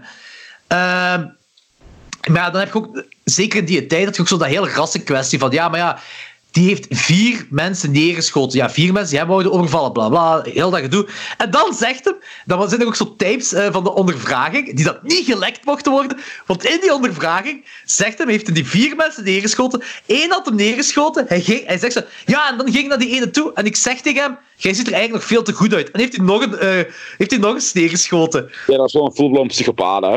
Dat is zeker niet oké. In ieder geval, ik kan niet zeggen hoe dat eindigt, maar daar gaat de tweede aflevering nu eh, over. En eh, ik, ik heb nog maar drie afleveringen gezien. De derde gaat over dat. En daar ben ik nog. Ah, ik ben nog maar halverwege de derde aflevering, maar dat gaat over. ehm, een kerel, een zwarte kerel ook. Want dat is wel. Je ziet zo. eh, er is ook zo een Black Movement. En die leider ervan die komt in de tweede aflevering aan bod. Maar die heeft dus die shit meegemaakt met die blanke kerel die die vier kerels heeft neergeschoten. Maar die heeft ook bij het volgende van aflevering 3 heeft hij ook heel veel eh mee geholpen met de Black Movement. Dus die komt zo zeker al twee keer aan bod. En in die derde aflevering, wat... Ja, oké, nee, dat is niet grappig wat er gebeurt, maar toch als je erbij nadenkt... eh, er is iets gebeurd aan een flatgebouw en ze willen... Er heel veel flikken en ze, ze, ze houden een kerel onder gunshot en die kerel wou zijn appartement open doen en al die flikken hebben hem neergeschoten. Die heeft 41 kogels in afgevuurd. En die had letterlijk zijn sleutels in zijn zak dat hij naar boven had. Dus onbewapend, helemaal geen wapen, die had niks. Die heeft 41 kogels, ah, ja, 41 kogels in afgevuurd naar die kerel toe. Wat waanzinnig is. Voor gewoon een sleutel uit zijn zak. En dan gaat het erover of die, die, die vier politieagenten of die dan eh, een moord hebben gepleegd. Of dat het toch zelfverdediging was. En heel dat gedoe wel. Ook ergens jaren 80, jaren 90 dat dat zich afspeelt. Heel- Ja. Heel toffe documentaire serie, ja. Eh, Trial by Media. Alba Media. Oké. Ja. Eh, ik zeg, ik heb alleen nog maar de eerste drie afleveringen gezien, wel- dat is, wel, dat is echt wel tof. Eh, en voor de rest heb ik een aantal, een aantal films gezien die niet horror zijn. Een aantal klassiekers zelfs. Waaronder, de eerste is Back to the Future. Oh ja. Ja, je weet, ik ben gigafan van Back to the Future en één keer per jaar moet ik de drie films gezien hebben. Ik heb nu wel alleen de eerste herbekeken. Eh, ja, valt niks slechts over te zeggen. Iedereen kent de film. Eh, van soundtrack tot acteerprestaties, tot personages, tot het verhaal. Het is geniaal. Geniaal! Als je Back to the Future niet cool vindt, dan eh, scheelt het iets met u. Dan, Dan heeft trouwens die film nog niet gezien. Wat? Ja, blijkbaar. In al die jaren dat hij hier op deze aardbol ronddoolt, heeft hij nog altijd geen Back to the Future gezien of wat? Nee, blijkbaar. Ja, dat slaat me toch wel een beetje teleur van Danny. Dat is toch ook raar, hè? Want ik, ik had ooit een klok 12 Heeft van iedereen- Wat? Hè? Iedereen, iedereen heeft toch Back to the Future gezien? Ja, dat is wat ik ook denk. Dat is heel raar. Dat is hetzelfde van... Ja, die kan zelfs geen vergelijking ophalen. Maar wat, eh, ik, ik had dus een klok 12 een, een 1.21 gigawatt eh eh, mopje gemaakt. En hij zegt... 1.20... Wat? Wat? Wat? En ik zeg, ah, net gelijk dat. Hetzelfde morgen. Wat? Ik snap het niet. Wat is het allemaal aan het zeggen? Ja, Allee, jong. 21 gigawatt, Back to the Future. Komt dat Back to the Future voor of wat? Dude, heb jij Back to the Future nooit gezien? Nee. Allee. Hoe kan dat nu? Dat is niet normaal. Ja, dat is, eh, dat is ook zo, dat is een klassieke film. Dat is zo vaak geparodeerd ook. En Ja. ja, ja dat, Ja, dat ik- Ik vind zelfs de tweede beter als de eerste. Ik beschouw ze alle drie als één film, zo. ik kan niet kiezen. Ja, ik ik vind de derde wel het minste. Ja, ik Nog weet altijd, nog altijd goed, hè? Maar, maar het, het toffe in twee, die is zo de butterfly effect. Ja, ja, ja, ja, natuurlijk. Het verandert, het verandert iets en eh, shit hits the fan. En dat vond ik heel leuk. Plus de, de hoverboard, jong. Oh man, als kind, ik wil zo graag een fucking hoverboard hebben. En die schoenen. Ja. Maar alles gewoon eraan aan die dingen. Al, alles is zo cu- cult en, en, en classic. En, eh, dat is, Dat is, dat is, dat is camp op een. Op, op, op, een, op, op, een, op een. Wacht, hoe moet ik uitleggen? Dat is camp op een deftige, goede manier gebracht. Weet je wat ik wil zeggen? ja, ja, maar 100%. Ik weet zeker wat je wilt zeggen. En dat klopt ook wat je zegt. Maar alles klopt ook aan die film. Van het moment dat je. dat begint met, met die klokken. eh, heel, heel die begintiteling heb je al die klokken van Doc Brown. En die zo een machine heeft uitgevonden om Einstein zijn hond eten te geven en zo. Daar begint je al mee. En volgens mij, als je die film nog nooit gezien hebt, hè, komt dat nog zo familiar over. Zo, Ja. zo van. Ja. Dit hoort bij uw, uw leven gewoon. Zoals, en je ziet Marty McFly die stapt daar binnen zo van. Dit, dit is gewoon hoe het werkt, hoe het klopt. Marty McFly en Doc Brown heb je waarschijnlijk nog nooit. Je hebt die misschien nog nooit in je leven gezien. Uh, als je die film nog niet gezien hebt, bij wijze van spreken, zeker niet in de in de jaren 80, als je die film pas uitkomt. En nog eens alles zo. Alles voelt gelijk thuis aan. Zo. Alles voelt normaal en goed aan. Ook al gebeuren er ex- extravagante dingen, toch klopt het precies allemaal. Ik heb, het ook, ik heb ook een stuk van Back to the Future gebruikt in een, van, op, eh, in een tekst van Violent City, op de eerste CD. Ah, wat dan? He- helemaal niet in, in de film, maar ik heb het wel gebruikt in, eh, in een nummer. Nou, hoe gaat het ook alweer? Eh, Marty McFly was right. It's Back to the Future with me. Uh, no dog around to save me of zoiets. Maar het gaat over iemand die depressief is en zo. Dus ik heb zo'n metafoor Dat is wel gebruikt. cool. Ja? Eh, ah, en trouwens, fucking Dog, Christopher Lloyd, die wordt niet oud, hè? Precies. Ja, ik heb hem gezien. Ziet er gewoon nog altijd hetzelfde uit. Ik bedoel, hoe oud is dude? 80? Toch minstens, niet? 130 of zo, weet ik veel. Dat is like Danny. Ik bedoel... ja, sorry Danny, ik weet dat ik heel veel in herhaling van met mijn mopjes over uw leeftijd, maar... Nee, maar serieus, die, die lijkt gewoon niet ouder te worden, hè. Dat is Ja. zot, hè. Eh, hij, hij was de oude kerel in 1985, hè? Dat was de oude professor in 1985, hè? Normaal was hij gewoon al toen hij like, 40 was, heel oud. En, en, en is, hij zag er heel oud uit toen hij 40 was. En, en ja, valt er nu minder op, ik weet het niet. Maar ja, classic, joh. Weet je, het Jorse thuis, en, en gelijk het rijtje van de Goonies. Dat zijn echt van die Ja. timeless classics. En of je nu ziet als je 15 bent of als je 50 bent, die film amuseert elke leeftijd. Ja, dat is waar. Dat vind ik ook. Eh. en ik vind het heel tof. Ik, ik heb die films... Ik denk dat dat nu zelfs de eerste keer is dat ik alleen maar de eerste gezien heb. Ik kijk normaal gezien alle drie eh, op drie dagen tijd of zo achter elkaar. Ja. Dus zo, dat is voor mij is dat één film. En dat werkt ook perfect, want dat vloeit allemaal aan elkaar over. Ja, dat is één verhaallijn, hè. Ja. Die tweede en derde hebben ze zelfs tegelijkertijd gemaakt, hè? Juist. Ik heb nog Eh. mooie beelden van op de set. Dat is zo die trein, dat is allemaal miniatuur, hè. Ja, ja, ja, ja, ja, ja. ja. Met die trein, hè? Ja, echt Ja, cool. dat is, dat is cool. En, en, en, en die eerste eh, hadden ze... ze wouden, dat, dat is ook het coole aan... aan eh, hoe heet weer? Rob, nog iets, hè, heet die, die ding is de, de regisseur. Ja, hij... hij en Steve, wat? Rob Stemming, ja, ja, ja. En Steven Spielberg heeft dan eh, de dinges geproduced. Hè. En ik weet dat ze dinges. ehm, Michael J. Fox al van het begin wouden. Ik denk zelfs vanaf dat het script geschreven heb. Michael J. Fox is een kerel die moeten hebben. Eh, ze wouden gaan filmen, ze hadden alles gecast, oké, alles va. En dan zei Michael J. Fox: eh, Ja, nee, maar ik, zit- ik moet opnemen met Family Ties. Ik, dat gaat Ah, ja. niet, ik heb daar een verplichting. Dus hebben ze ehm, die pedofiel van de Butterfly Effect hebben ze dan gebruikt als, als Marty McFly. Eh, en daar zijn beelden van. En toen zei, zei ja, Robert Zemeckis zei dan zo van, ja nee, deze werkt niet. Deze werkt niet. We hebben Michael J. Fox nodig. Hebben ze dat... Wat? Nee, zeg maar.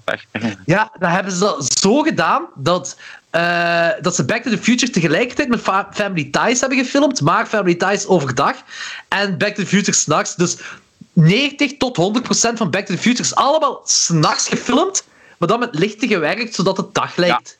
Nu, je kunt ook gewoon, en misschien is dat gewoon omdat, omdat hij die rol zo goed speelt, maar ik kan me ook niemand anders inbeelden dan Michael J. Fox of Marty McFly. Ja, maar ik, exact. Dat is echt exact. En ik vraag me soms af, heeft dat te maken met, omdat dat zo ingeburgerd is bij ons? Gelijk Doc Brown is Christopher Lloyd, eh Marty McFly is eh, Michael J. Fox. Of Of gelijk bijvoorbeeld Nightmare on Elm Street, de remake. Ik weet, er was heel veel shit rond. Niemand kan Robert Englund eh, vervangen. Ik had hetzelfde. Niemand kan Robert Englund vervangen. Dat gaat gewoon, dat gaat niet. En dat die dude van Watchmen doet dat. En dan denk ik van, maar moest dit geen shitty film zijn? Hij, Voilà. hij had nog altijd vak Dat, was eigenlijk een van de enige dingen die mij niet stoorden aan die film. Dat het niet Robert Englund was. Al de rest stoorde mij. Ja, voilà, inderdaad. En dan vraag ik me af of dat bij, bij, bij dingen ook zo zou zijn, bij Back to the Future. Of, ja, ik, ik, ik, ik vermoed. Ja, maar dat, dat is. Dat is ik, ik, ik, ja, je weet dat ik ben een apologist voor remakes. Voor mij mogen ze alles remaken. Niks is heilig genoeg dat niet geremaked kan worden. En dan denk ik zo, misschien zijn er toch een paar films dat gewoon niet gaat. eh om, omwille van dynamiek of zo. Daar wou ik het nu juist over hebben, hè. Daar wou ik het echt juist over hebben. Eh, er, er waren dwarspraken, vaag, van een remake van Back to the Future, hè. Ja. Weet je wat ik dan zou willen zien? Een Zeg. geflipte remake door Nicholas Raffen of zo. Oh, oh, maar echt zo een, een, een mega trage. Het is een heel mooi eruit, stilistisch. Een stilistische, arthouse-achtige, volledige draai. Want het probleem bij een remake, bij een deel van de remakes, is dat ze de film volledig willen kopiëren, maar gewoon in een modern jasje willen steken. Met Ja, ja, ja, dag, dag dingen. En dat vind ik gelijk heel goed aan Evil Dead bijvoorbeeld. Nu, Evil Dead blijft nog altijd in het horrorgenre, maar ze doen er iets heel anders mee. Hè? Maar het lijkt me heel cool om, om gelijk. Ik vind je kunt een Back to the Future niet remaken volgens dezelfde thematiek. Ah, jawel, jawel. Wel volgens dezelfde thematiek, maar niet volgens Dynamiek. Dezelfde dynamiek. Ja. Ja. En dezelfde beelden. Dat gaat niet. Ik bedoel, eh, dat zal, weet je, tijdreizen in de jaren 80 was cool. Tijdreizen nu is op beeld, dat, dat werkt niet voor mij. Omdat er gewoon zoveel pseudo-wetenschappelijke bullshit en effecten en weet ik veel wat. Ja, zitten. maar pas op, Maar- ik, heb je Primer gezien? Nee. Ah, wel, check die, dat, is- dat is een low-budget indie-film. eh, en dat wordt tijdreizen, dat is, die is nog wel, ik denk tien jaar oud of zo. En tijdreizen wordt daar aangepakt op een heel andere manier dan dat je zou denken. Maar ik, ik blijf erbij. Ik zou, ja, iemand like Nicholas Raffen of zo. Ah, wel, Die als als ja. die een remake van Back to the Future zou maken, dan heb ik zoiets van, ja, want dan krijg je ook een heel andere film dan Back to the Future. ja. Snap wat ik wil zeggen? Ja, daar ga ik ook mee akkoord. Ik, ik, ik heb altijd gezegd, eh, een goede remake is voor mij is een, een remake dat iets anders doet met het or- Ja. met originele bron, maar wel respect eh, blijft behouden voor de originele bron. Like The Fly, Scarface, dat zijn allemaal goede Ja. remakes. Ja, nee, dat is waar. Dat is waar. Eh, ik vind, ja, ik weet, jij zit er geen fan van, maar ik vind de Texas Chainsaw Massacre remake vind ik ook goed gedaan. Wauw, ik, ik, ik vind hem niet slecht, hè. Ik vind hem redelijk overbodig. Allee, ik kan die film uitkijken, weet je, en, en, en op zich is er inderdaad niet veel mis mee. Maar dat is een film, dat had niet gemoeten voor mij. Nu, maar langs de andere kant ben ik dan weer wel blij dat, die film eh, een heel deel mensen misschien aanzet om de originele teksten te gaan kijken. Dat, en, en, en die, heeft, eh, die, die film heeft ervoor gezorgd, en dat, dat, je kunt het ook als negatief beschouwen natuurlijk, dat eh horrorklassiekers geremaked mogen worden.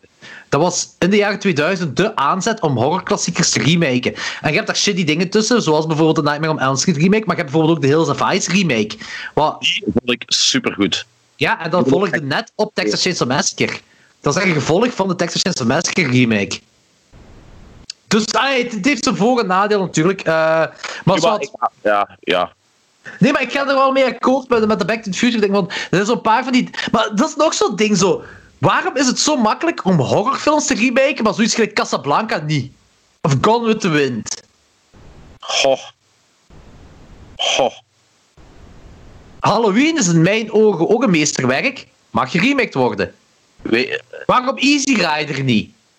omdat ik denk dat horrorfilms door de meeste filmcritici en door de sch- scheterruikende elite, assholes, wordt altijd als minderwaardig beschouwd. Door veel filmcritici wordt horror als minderwaardig beschouwd. Ik denk dat de enige horrorfilms die critici goed vinden, dat zijn uh, Silence of the Lambs en The Exorcist of zo. Ehm, ik Die denk... niet ja, beschouwd worden als horrorfilms door de critici. Nee, voilà, ook al niet. Nee, dat zijn dan thrillers of zo. Ik denk, ja, daardoor vooral. Actie, horror, dat zijn lichtere genres, doorgaans, Ja. die eh, daardoor makkelijker kunnen remaked worden. Nu, Nee, nee, maar ik ga ermee akkoord, hè. Ik vind dat Weet wel een goede uitleg. het is ook zo dat een, een horrorfilm in de cinema die goed gemarketeerd wordt, die brengt wel op. Omdat de jeugd, oeh, we gaan naar een vieze film kijken, hihi, en die gaan allemaal. Zwaar. Als een Casablanca of een Gone with the Wind gaat remaken, wie gaat er naartoe? Ja. Wij, misschien. Ja, wij, wij. wij. Nee, oké, dat is wel waar. Want ja, en, en misschien dat daar dat, de, die ideologie vandaan kwam. In de jaren tachtig was eh horror een ding bij, bij de jongeren ook. In Amerika had heel die drive-in cultuur ook. En dat was alleen maar eh, horrorfilms kijken. En heel vaak ook jaren 50 horrorfilms kijken. En van die dingen allemaal. De Midnight eh, Monster Picture Show en zo van die dingen. En, en dat is ja, gewoon geld, mensen dat dingen slokken, ja. Nu bijvoorbeeld kijk naar eh, de New York Ripper. Hè? Ja. Die wordt, toen die uitkwam, die werd door elke criticus neergesabeld. Die was slecht, die was vuil, de montage trok op niks, de belichting trok op niks en bla bla bla bla bla. Terwijl, als je je, je, je, je vooroordelen jegens de horrorfilm opzij zet, moet je gewoon kunnen toegeven dat dat een heel goed gemaakte film is. Nu, die heeft zijn flaws. Hè? Gelijk, aan het bloed kunnen ze afleiden dat hij van New York is. Ja, oké, nee, dat is niet realistisch. Maar qua stijl, stilistisch, is dat een hele goede film. Die ook, gelijk in Maniac, ook het, eh, de stad als personage uitspeelt. Maar daar kunnen die dinosaurus, elitaire assholes, niet langs kijken. Het is horror, er komt bloed voor, dus het is per se slecht. Ja, ik eh, ga er eigenlijk wel mee akkoord, ja. Eh, horror wordt altijd op neergekeken, is altijd al geweest. Ja. Ik denk, Jonas heeft nu ook gezegd dat, ehm, en ik, ik ga er eigenlijk ook wel een beetje mee, er is nu zo eh, een, een nieuwe, hoe moet je dat zeggen, altijd, een nieuwe tak van horror eh, in, deze... se- Wat, hè? Hereditary. Ja, ah, wel, heel die tak van, van arthouse. Zo Arthouse. Arthouse, Ja. serieuze horror, zo.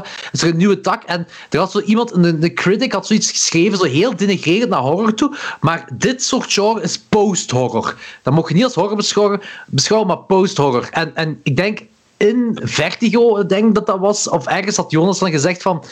ehm, gewoon dat benoemen, gelijk post-horror, is heel veel neerkijken op het horrorgenre. Ja. Eh, Ja. En dat ook ervan afkappen. Dus het Ja. betekent niet dat het horror is, dat het, dat het slecht moet zijn of dat het een slechte film is. Nee, Want eigenlijk, eigenlijk, dat standpunt kun je al onderuit halen door eh, The Curse of the Demon van 1956. Oh! Het is niet mijn favoriete horrorfilm, maar die speelt ook in op eigenlijk die film qua thematiek, qua, qua, qua psychologie hetzelfde als een Hereditary. Dus die critici die over post-horror lullen, die weten totaal niet waar ze over praten, want in de jaren 50 had je al van die films. ah, maar ik ben er Ja. zeker van mensen die gewoon neerkijken op horror weten niet waarover ze praten, want die denken alleen maar het is goedkope, eh eh, goedkope kills met veel bloed of het moet, eh, en, Ja. en veel jumpscares. En, en ik kijk zelf niet neer op veel bloed en jumpscares. Ik ben er zelf ook fan van, maar het is meer dan dat. Het is meer dan dat. Ja. Ja. Dat, dat is gewoon het ding. Maar ja. Oh ja, dit, dit kwam van Back to the Future. Dit gaat gewoon naar fuck critics. Ah. baby. Als jullie luisteren iets moeten leren daarover, kijk Back to the Future. Daar gaat het over. Back to the Future, kijken. Ik Ja. heb trouwens... eh, ah, tweede klassieker dat ik gezien heb. eh, een van mijn favoriete films. Ook een van uw favoriete films. Ik wijs heel veel naar de camera. Uw favoriete... Titanic. Ja. En ik schaam mij een beetje om het feit dat ik daar toen die uitkwam, vond ik die al goed. En Maar- daarvoor. Nee, nee, nee, nee, nee. Ik schaam mij om het feit dat ik toen zo een beetje meedeed met de, de coole dudes toen. Weet je, waren, hoe oud waren we toen?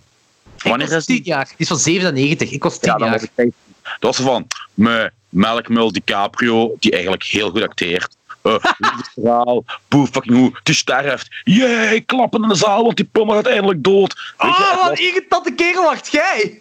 ja, het was zo toen een beetje bon ton om eh, die film af te kraken. Terwijl ik die eigenlijk nu... Iedereen maakt fouten in zijn jeugd, hè. dat is Eh, waar.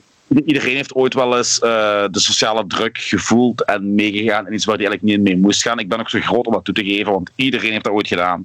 Eh, dat was ook een van de weinige keer dat ik dat gedaan heb, los daarvan.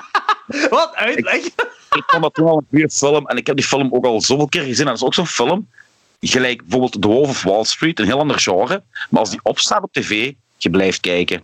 Ja. Je blijft kijken. Die film is ook gewoon, ja, dat is gewoon een goede film, joh. Ja, daar ga ik honderd mee. Ik heb het nu gewoon opnieuw gezien en ik, ik, ik, ik Die weet blijft die staat er nog altijd, nu ook, hè? Allee, die, die voelde Zeker. niet gedaan of zo, hè? Nee, nee, absoluut niet. Allee, er is, eh, ik denk, in, in 2012, is, want James Cameron is uh, mega geobsedeerd door de Titanic en die is dan nog eens opnieuw naar Titanic gegaan. Of 2005 misschien, maar 2012 was 100 jaar geleden dat, er, dat de ramp gebeurd was. En toen ging hem zelf zijn eigen film uh, analyseren om te kijken of de feiten dat ze toen weten, of dat nu nog altijd knopt, klopt met de technologie dat ze nu hebben. En er waren heel veel dingen eigenlijk dat zo. Ik, weet, ik kan geen voorbeeld meer halen, maar dat specifiek in de film gedaan werd, ook qua, qua zinken van schip en zo, en dat ze nu achterhaald zijn, hè, achterhaald hebben van, ah nee, dat is toch anders gebeurd. Maar ja, oké, daarop kun je niet oordelen of de film nog mee is met, uh, met de tijd of niet, hè. En uh, technisch, er zaten cinematografisch zien hele knappe shows en die ene hele lange tracking. Die was echt super goed, hè? Die van, uh, dat ze van uh, het, het heden naar het verleden gaan. Echt van, de, van de, het, het wrak dan nee, naar binnen gaan. Was dat een heel lang tracking shot met dat feest? Waar ze Mm. Kate Winslet volgen? Nee, dat, dat, dat feest, dat is gewoon dat uh, Leonardo DiCaprio, die moet op diner gaan met, met, met die rijke mensen, omdat hem Kate Winslet heeft gered. En dan gaan ze dat eerst dansfeestje doen. Maar er is een mega lang shot ergens in die film. Bedoelt je aan de trappenhal? Goh, ik heb al- kijk, de twee, de, de twee die, die, die ik herinner zijn er twee, twee lange tracking shots. En dat is zo wanneer ze in, de duikboot in de Titanic zitten, wanneer er zo'n wrak is aan het, aan het verroesten in het water. En dan gaan ze doorheen, eh, wat, wat dan de Ja, deur ja. moet zijn. En Ja, dan gaan ze naar, naar, naar, het Ja, juist. Juist. Ja, dat is geniaal. Dat is heel geniaal gedaan. En ook die dingen, die, die, die, die trap, hè, die trap is ook cinematografisch mega mooi. Hè.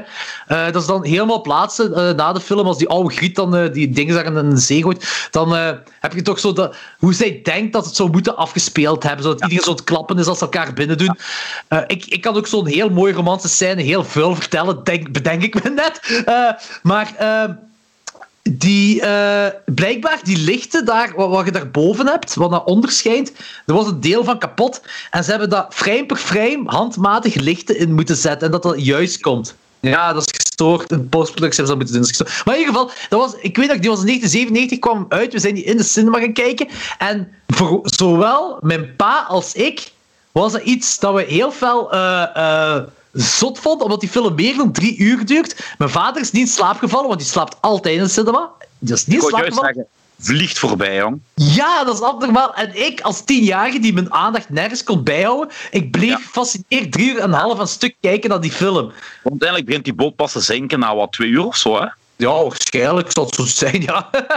Nee, dat is, het, ja. hoe snel die film voorbij vliegt. Dat is abnormaal. Ja, ja. hele goede film.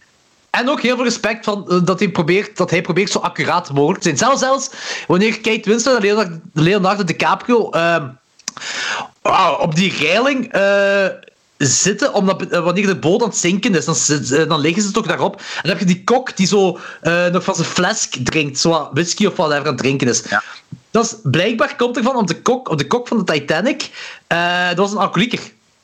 Ah, oké. Ja, daar komt het dan blijkbaar van. En zo, dus ja, ik, ik vind het wel cool dat, dat, dat hij geprobeerd heeft om zo nauwkeurig mogelijk te zijn. In ieder geval, Titanic, moest je Ja. film nog niet gezien hebben, zeker kijken. Magnifieke film.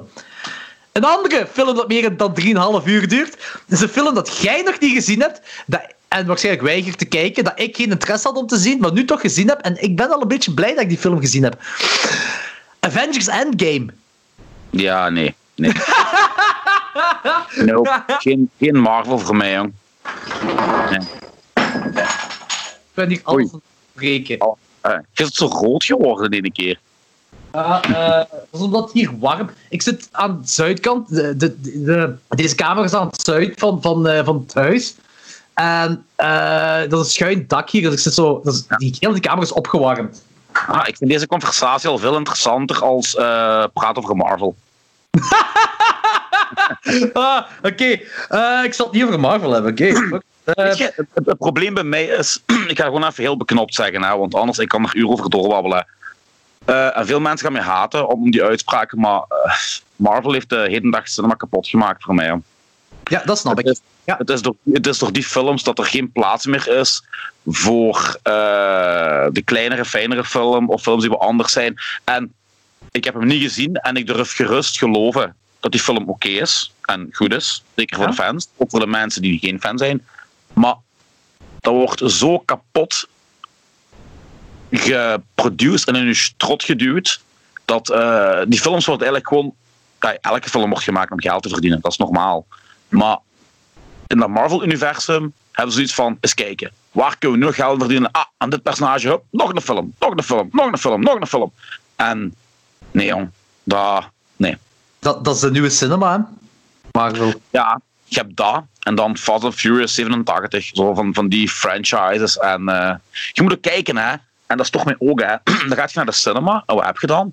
Je hebt dan een Avengers in 2D, in 3D, in nog iets anders. Dan heb je de Fast and Furious in 2D, in 3D. En dan heb je een Ja. tekenfilm in 2D, in 3D, in Nederlands en in het Engels. Ja, dat zijn al je zalen op, hè. Ja. Ik bedoel, uw keuze wordt zo klein, omdat die films alles opslorpen. Ja, nee, oké, da- daar, ga ik, ja, daar ga ik sowieso mee akkoord. En dat, is en dat vind ik ook heel veel... Oh, nee, niet, dat vind ik niet tegen om, om Avengers te zien. Ik heb ook gewoon weinig interesse in superhelden. Dat is ook een ding. Eh, mijn interesse is heel erg... Maar ik had alle andere Avengers-films gezien en Infinity War was zo wel van... Duurde ook zo lang en ik zo van... pff, ja, oké, het is goed geweest. Eh, het einde vond ik van Infinity War wel zoiets van... Holy shit, Marvel heeft ballen. Maar ik had niet echt bij nagedacht dat, je, dat ze ook terug de tijden konden gaan. dus die ballen waren al snel... eh Ja, telden maar Endgame mag dat is sowieso wel fan. Mag worden dat ik hem ook eens gezien zou hebben. Dus ik ben gaan kijken. Ik moet wel zeggen, ik heb me wel geamuseerd. Ik vond de film ook echt goed. Ga ik de film opnieuw kijken? Waarschijnlijk niet. Eh, maar er is één scène op iemands bepaalde begrafenis waar er zoveel wereldsterren... Ah ja, dat zijn allemaal zo celebrities van honderden Marvel-films dat dan daar bijeenkomen voor iemands begrafenis. Michael Douglas komt in die film voor, maar het is zo, het is zo twee minuten, nee, twee seconden screentime of zo. Je denkt van, zo'n wereldster, en je ziet zo even zo, zo, de camera gaat even voorbij Michael Douglas. Dan denk van, the fuck? Maar dat is abnormaal. Dat is gewoon heel zot om dat allemaal te zien bij elkaar, al die Ja, wereldsterren. Ik kan dat begrijpen. En ik oprecht, ik kan dat echt oprecht begrijpen, maar... Nee, not my cup of tea. Nee, nee, ik snap dat ook. Dat is, dat is, allee. Ik had, moest Maarten mij niet verplicht had, had ik de film nooit gekeken. Maar heb je geamuseerd, dat is belangrijk. Ja, voilà, ik heb me geamuseerd. Eh een andere film dat ik gezien heb, dat is misschien ook niet uw ding, maar eh, dat is de film Pan. Eh, dat is een Peter Pan film, maar ik ben, ik ben fan van Disney en, eh, en ook het Peter Pan gegeven. En Pan dat is een film ehm, dat zich eigenlijk afspeelt... De, nee, de, het doel van het verhaal is hoe Peter Pan Peter Pan is geworden. Dus klein jongske dat gewoon in Londen leeft en hoe die dan eh, daar in Neverland is terechtgekomen en zo. Dat lijkt me Heel- cool uit, dat punt. Ja. Ja, wel, en dat is heel tof. Dat is, dat is, dat is een, een super toffe jeugdfilm, dat ook voor, voor volwassenen tof is om te zien. En als je als, eh, als je een Peter Pan-fan bent, is dat sowieso heel leuk. Eh, maar het heel rare was dat... eh, ze, er is dus een kapitein Blackbeard, niet kapitein Haak, maar kapitein Blackbeard, dat zo kinderen gebruikt om in, in de mijn te werken. En eh, op dat schip dan af en toe vermogen ze kinderen of zo, whatever. Maar heel die schip, die zingen liedjes. En dus goed denken, dat speelt zich af voor de Peter Pan verhalen die wij kennen. Dus, en je Ja. ziet ook zo, dat weeshuis en zo, dat is allemaal jaren 1800 of whatever. Je kent dat wel, hè? En die beginnen allemaal een koor Nirvana te zingen, al die piraten. Welk nummer? Eh, was dat Commas? Nee, ding is. eh Like Teen Spirit. Dat waren ze aan het Ah, zingen. Wat heel raar is, was zo'n musical geweest, allemaal een koor, terwijl dat nummer bestond nog niet in de tijd, dus dat was heel moeilijk om overeen te zetten. En dan daarna eh Blitzkrieg Bob van de Ramones. Ook echt, maar echt zo, een koor allemaal op, op dat piratenschip. En dat is ook de enige keer wanneer gezongen wordt. Hè. Gewoon op die piratenschip twee keer. Nirvana en, en Ramones, helemaal op het begin van de film. En zo, hey, ho, let's go. Hey, maar echt zo, iedereen. En dat was raar. Eigenlijk is dat gemiste kans. Eigenlijk had die Captain We're, we're, we're Sinking, moet, eh, Captain We're Drinking moeten doen. Hè. ja, dat, dat zou het zijn als ze allemaal naar een koor prijs even waren aan het zingen. Volgens mij zou het trouwens een hele coole eh, R-rated adaptatie van Pan kunnen maken. Met heel veel bloed en geweld. Ik denk dat Tarantino daar iets heel cool mee zou kunnen doen. Zeker. Met dat gegeven. Je, je hebt die dingen met de piraten, je hebt de indianen, je hebt, eh je krokodil die, die een hand afbijt. Voilà. Ja. Kunt, je kunt inderdaad wel een gory ding, er een heel gewelddadig ding van maken. ja, ja. Maar ik vond, ik vond het wel leuk, staat ook trouwens op Netflix. Als je Netflix op Engels tenminste zet, dan staat het erop. Ah, Oké. Eh, en de andere film, de laatste film dat ik gezien heb, is. ah, ik weet niet, ik ga eens even opzoeken van wat jaar dat die is, maar dat is Night of the Hunter. Oh, die staat nog altijd... Ik heb die op DVD gelegen. Ja? Ehm, maar ik heb hem nog altijd niet gezien, maar ik verwacht daar heel veel van. 1956, 57? 55 blijkbaar.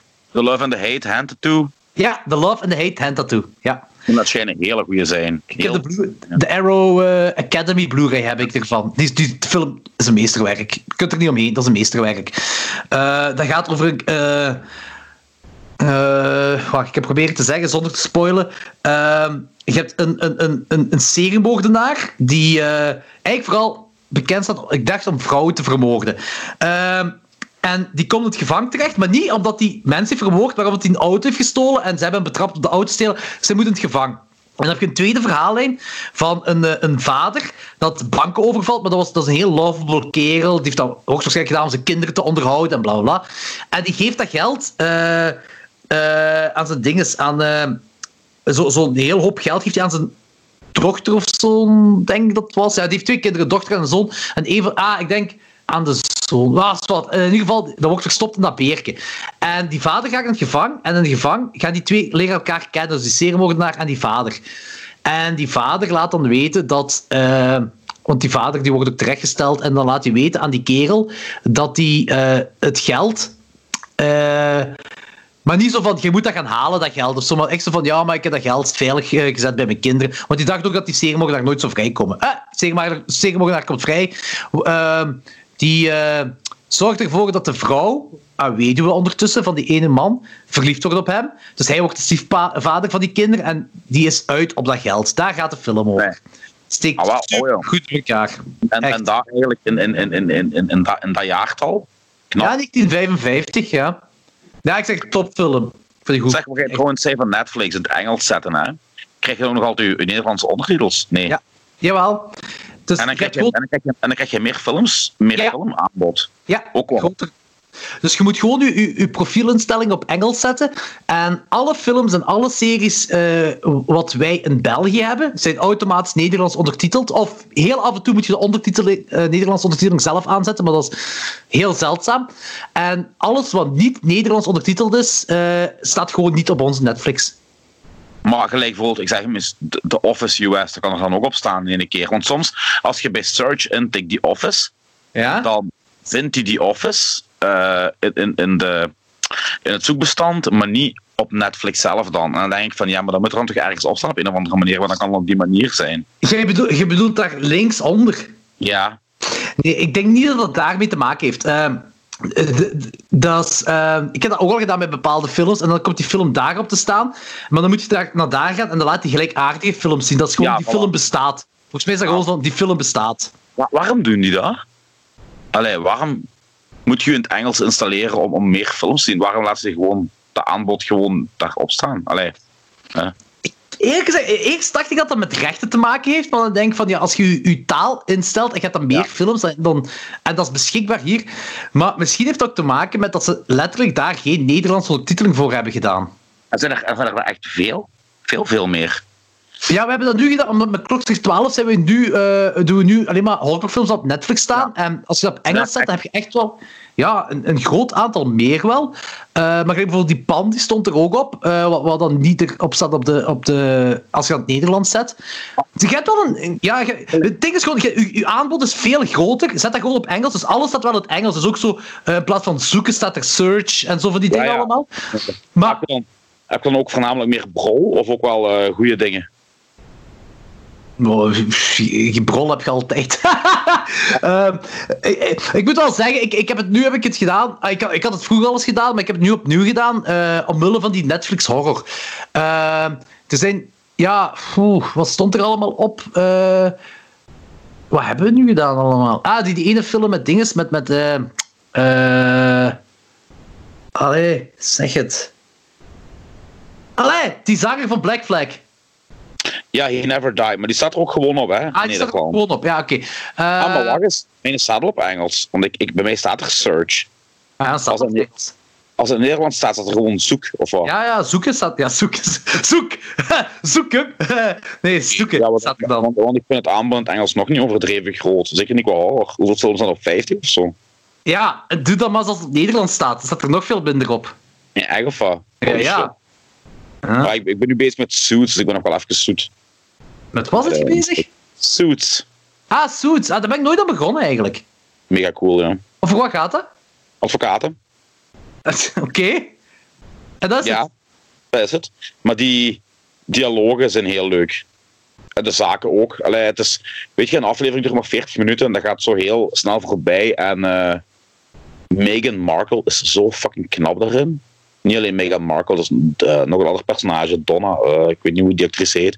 Dat is gewoon een hele vlotte, fijne serie. Je wilt zo blijven kijken. Nu, ik heb van veel mensen... Ik zit nu in seizoen 2, op het einde. Ik heb van veel mensen gehoord dat het na seizoen 2 naar beneden gaat. Maar eh, tot nu toe, ik vind, ja, ik vind het heel goed. En een van die hoofdrollen wordt gespeeld door ehm, die dude met zijn bevertanden die in Hostel vraagt aan het hoofdpersonage "How- should I kill him? Make it quick. Yeah, no, yeah. Ah! Fucking old school. Who wants this motherfucker? Die met zijn bevertanden. Die speelt Ja, een hele prominente rol in. En ja, die doet het echt heel goed, ja. Oh shit, oké, cool. eh, ja, ik ben echt wel mee met die serie. Ik was eigenlijk van de eerste aflevering al mee met die serie. Die is heel Staat cool. Netflix. Ja, dat gaat gewoon over advocaten die eh, ja, bij een advocatenkantoor werken en zaken doen. Ehm dan heb je ook zo'n paar side stories erbij. Maar vooral ja, die dialogen, zo heel sarcastisch en, en ja, ik ben helemaal mee. We zouden eigenlijk ook eens, ah, dat is bu- bu- buiten heel Suits doen, maar eigenlijk zouden we ook eens een, een Seinfeld-aflevering moeten doen met de peperkwekerij. Zeker nu dat eh, Jerry eh, stille gestorven is. Ik heb trouwens. eh, ah, er komt ook zelfs een Seinfeld-verwijzing in Suits. Maar buiten dat. Ik kreeg in de kringwinkel een, een, een DVD-box binnen van een serie en die heette The King of Queens. Nooit van gehoord. Kevin. Hart speelt de hoofdrol. Die van eh Malkop. Ja, ja, oké, ja. En ik keek en wat zag ik staan? Wie doet er in elke aflevering mee? Jerry Stiller. Echt? Ah, Oké. Als, als Arthur Spooner. En basically speelt hij gewoon Frank Costanza. Echt?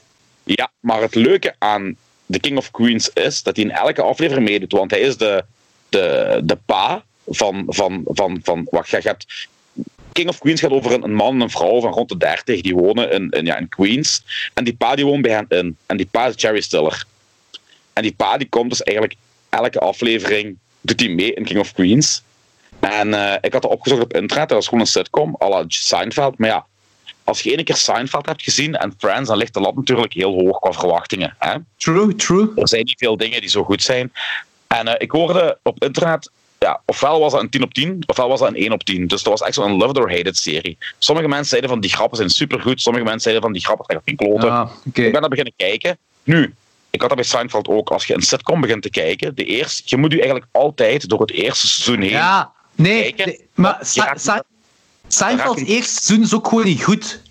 Jawel, als je, dat voor de, als je dat voor de tweede keer bekijkt, is dat Ja. beter. Kijk, voor de derde keer, maar je moet, als je dat de allereerste keer ziet, dan heb je zoiets van, ja, het is leuk en ik blijf kijken. Maar je hebt niet zoiets van dat je van je stoel ligt. Maar als je vanaf seizoen 2 begint, heb je dat wel. Bij Dat is wel waar. Dat is wel Dus als, als seizoen 2 seizoen 1 zou zijn, dan had dat een betere kracht gehad op het begin. Dat is wel waar. Maar nu bij Friends had ik dat ook. Die eerste seizoen had ik zoiets van, ja, maar ja, we kijken verder hè, en wordt wel leuk. En bij King of Queens heb ik dat ook gedaan. En die eerste afleveringen waren leuk. Niet om te zeggen wauw, maar natuurlijk maakte Jerry Stiller elke aflevering goed, want dat was gewoon ja, Frank Costanza, basically, die rol. En eh, nu zitten we aan seizoen 4 en ik vind het echt goed. Ik vind het echt heel goed. Dat is hoe heet dat? King of Queens. King of Queens. Kijk, hoe kan? Hey, maar En- trouwens, jij zegt van er komt een DVD-box binnen bij u in de kringloopwinkel. Dus eigenlijk, je hebt zoveel macht in de kringloopwinkel. Alles wat binnenkomt, kan je onmiddellijk zeggen van.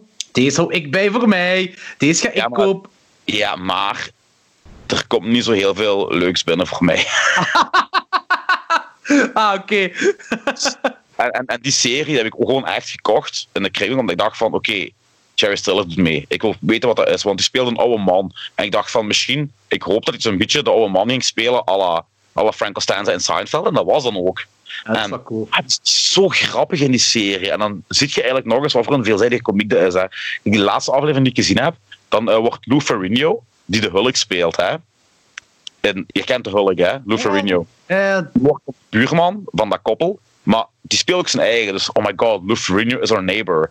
En dan komt de Jerry Stiller af en die heeft een script geschreven. En die wil dan de hele tijd verpatsen aan Lou Ferrigno, dat hij dat kan gaan produceren en shit. Maar dat is zo grappig, hè. Eigenlijk, die dude maakt gewoon heel die serie. Echt, die, zoek die op, die serie. Dat is een serie, ik, ik vind het raar, want ik kreeg die DVD binnen en dat was in het Nederlands, dus met Nederlands ondertiteling. Dus dat is hier uitgekomen, officieel. Dat was geen import of zo. En ik had nog nooit van die serie gehoord. Nee, mij zegt ook niks. En blijkbaar heeft die serie, is die vrij groot geweest in Amerika. En die heeft gelopen van 1998 tot 2008. Dus er zijn echt tien seizoenen van. Holy shit. Ja. En Dat, is, dat, is, dat is dan nooit hier...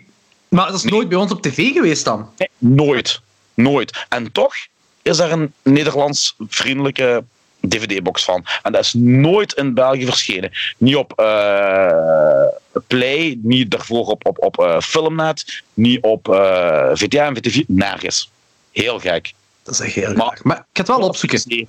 Ook zo 20 minuten nu. Het is geen Seinfeld. Seinfeld is voor mij ja, absoluut de top.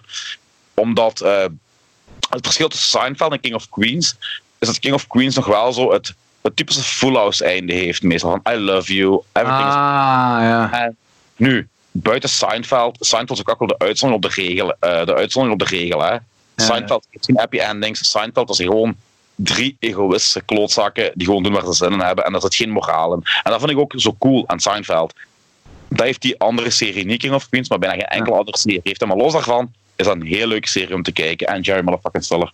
Dus dat is goed te weten, dat is een goede tip. Dat is goed te weten, ik ga zeker opzoeken. Wat, wat, wat je juist zei over, over eh, dat stukje met, met dat hij naast de hulk woonde. Zo. Ik heb eh, een. eh, ik, ik ben naar de, de theatershow van Steven Herwegen geweest vorig jaar. Eh, dat gaat over de uitvinder van televisie. was een kerel dat de televisie had uitgevonden. Eh, ja, uiteraard, er is altijd wel een keer iemand dat heeft uitgevonden. Maar het, zat, het, ging, het gaat echt over hem, dat is, een beetje met een lach en met een traan. Dus die heeft een beetje een tragisch leven gehad, wat er zijn grappige dingen dat erin voorkomen. En een bepaald moment, maar ik denk dat het daarin voorkomt. Maar ofwel heb ik dat ergens anders van, ik weet het niet. Eh, heeft hij het over een sitcom dat is uitgekomen eh, over de Hitlers. Dat heet Hail, Hail Honey, I'm Home. wat? Ja, ja, ja. Dus dat is een komische sitcom. ehm, over de Hitlers, dus de familie de Hitlers. Eh, je, je- je hebt een gezin en die, die wonen naast de Hitlers. Die hun buren zijn, zijn Adolf Hitler en Eva Braun. Ehm, en daar gaat die een sitcom over. Maar die sitcom is zo ver gebracht dat ze één aflevering hebben uitgebracht. er is maar één aflevering van. De- het is nooit verder geraakt dan dat. Ik heb ook nog een hele... Ja, ik, Ja, zeg maar, zeg maar, zeg maar. dat was... eh, ik, eh, je hebt ooit Something About Mary gezien? Ja, zeker. Woogie, die met zijn uitslag, die zo krap de hele tijd. Ja, heet hem meer, die acteur? Ja, Ehm, die blijkbaar, ook, acteur. die heeft blijkbaar ook een sitcom gehad in de jaren negentig. Hij heeft twee seizoenen gebold. Eh, I'm a Psycho of weet ik veel wat. En dat moet het schijnt een hele goede, compleet absurde sitcom zijn. Dat is ook een sitcom, gefilmd in de stijl van Seinfeld en, en, en al die dingen. Maar gelijk op een bepaald moment komt er een alien in, bij zijn thuis en die verstopt die alien voor zijn pa en van die dingen. Maar dat moet schijnt heel absurd zijn en heel cool zijn. Maar ik ben de naam kwijt. Ik moet dat zelfs nog eens opzoeken en dan stuur ik je door. Dat is ook nooit uitgebracht of zo. Dus gelijk dingen, hè. Sledgehammer. Die, Wat? eh, Sledgehammer. Nooit gezien? Oh, Nee. mannetjes. Oh, mannetjes. Dat is een serie... eh, negen, twee seizoenen, 1988 en 89. En dat kwam begin jaren 90 op eh, de BRT op vrijdagavond. En dat gaat over een flik die eigenlijk mega sadistisch en psychopathisch is. Maar dat is een comedy-serie, hè. Ehm, David Rashi speelt de hoofdrol. Om u een klein voorbeeld te geven van hoe psychopathisch die flik is. In een van de eerste afleveringen, die rijdt met zijn auto. Nu, die auto zit vol kogelvaart. Die heeft een bumpersticker met I love violence op zijn auto. En eh, die stopt, want er staat ergens een sniper op een gebouw. En al die flikken staan opgesteld bij de auto. En eh, Hammer stapt uit. Yeah, what's, what's the problem? En een van die flikken zegt, yo Hammer, we got a sniper on the roof. Dus eh, er is een sniper op, op, op een dak van een appartement. En die begint te schieten. En die Hammer zo, yeah, I'm gonna take care of it. Die doet zijn koffer open, die pakt een bazooka. En in plaats van op die kerel te schieten, schiet hij gewoon op dat gebouw. En dat gebouw is erin. Yeah, I've got a sniper en die gaat door. Zo'n serie is dat dus. Oké, die, dat klinkt wel heel cool. Die bindt boeven vast aan, aan zijn auto. Die sleurt hij mee door de stad. Die ehm, praat tegen zijn geweer, tegen een magnum. Eh, dat is wel zijn, zijn- die is mega seksistisch. Die kerel, de vrouwen zijn nergens goed voor en zo. Eigenlijk was die serie zijn tijd wel een beetje vooruit. Want die is heel... Eigenlijk is er zo de Married with Children versie van een flikkenserie. Mega cool. Er zijn er twee seizoenen van gemaakt, want uiteindelijk sloeg dat niet aan, omdat dat gewoon, ja, toch een beetje te rauw was voor die tijd. Ehm, dat eerste seizoen kun je overal vinden voor 20 euro. Dat tweede seizoen kon je vroeger in de Free Record Shop ook vinden voor 20 euro. Mijn kameraad Tony heeft dat. Ik wou die daarna kopen, die was er niet meer. En nu kost die gelijk fucking, als je die al vindt, 70 euro. Voor Oh, ja. nu, dat is heel slecht gefilmd. Wel met de bedoeling, hè. Dat is heel, die serie is heel ehm, zelfbewust van zijn eigen tekortkomingen. En dat maakt het zo cool. Echt, zoek gewoon... Zoek er een paar afleveringen van op. Dat is mega cool. Sledgehammer. Oké, is goed. Sledgehammer. Die zegt altijd, trust me, I know what I'm doing. Ja, en die weet totaal niet wat hij doet, joh. Het zit gewoon in zo'n kleine flat. En die heeft zo in zijn flat zo een, een ding ophangen. Voor de flik om te schieten. En dan schiet hij erop. En nog eens de buren kloppen. Want hij weer met zijn geweer in zijn thuis liggen schieten. En zo van die shit allemaal. Het is echt cool. Het is echt mega cool serie. Oké, dat moet ik wel. Dat Oké, Ja, zo de, de hardcore versie van de Naked Gun. Van, van Police Squad eigenlijk. Oké, je hebt me wel heel warm gemaakt nu. Mega cool. Ik kwam vroeger op de VRT. En eh, ik was als kind echt mega psyched. En we speelden dan na, mijn broertje en ik. Eh, ja, dat is echt tof. Heel tof. Hey, ik wou, ik wou eens eens proberen, hè. Eh, een, een, een gedachtegang van eh, dat ik eh, met de peperkikkerij, met u en nog weet ik veel wie allemaal wil meedoen, zo een quiz wil doen. Er gaan uiteraard ook filmvragen zijn. Ook, ah, het gaat van alles zijn. Film, series, muziek, ehm, popculture. Daar gaat echt, ik ga van alles wat doen. Ehm, maar ik wil eens een klein testje met u doen en de, trivia quiz een kleintje maken over film. Eens kijken of, hoe goed je film kent. Is Oei, oei, oei. Dat ben ik zenuwachtig. hè? Ik mag niet afgaan, hè. Dat is confronterend, hè? Het is heel confronterend, ja. Oké. Ehm, vraag 1. Dario Eh, Argento. Juist, vraag 2. Nee. Eh, nee, vraag 1. Ehm, wat zijn eh, de woorden van Charles... eh, wat zijn de woorden wanneer hem sterft van Charles Foster Kane in Citizen Kane? Of welk woord? Het is één woord. Rosebud. Rosebud. Goed. Eh, wat was de eerste eh, feature-length animatiefilm dat ooit gereleased was? Sneeuwwitje en de Zeven Dwergen. Motherfucker, kijk hoe. In de Matrix neemt Neo, eh, neemt Neo de blauwe pil of de rode pil?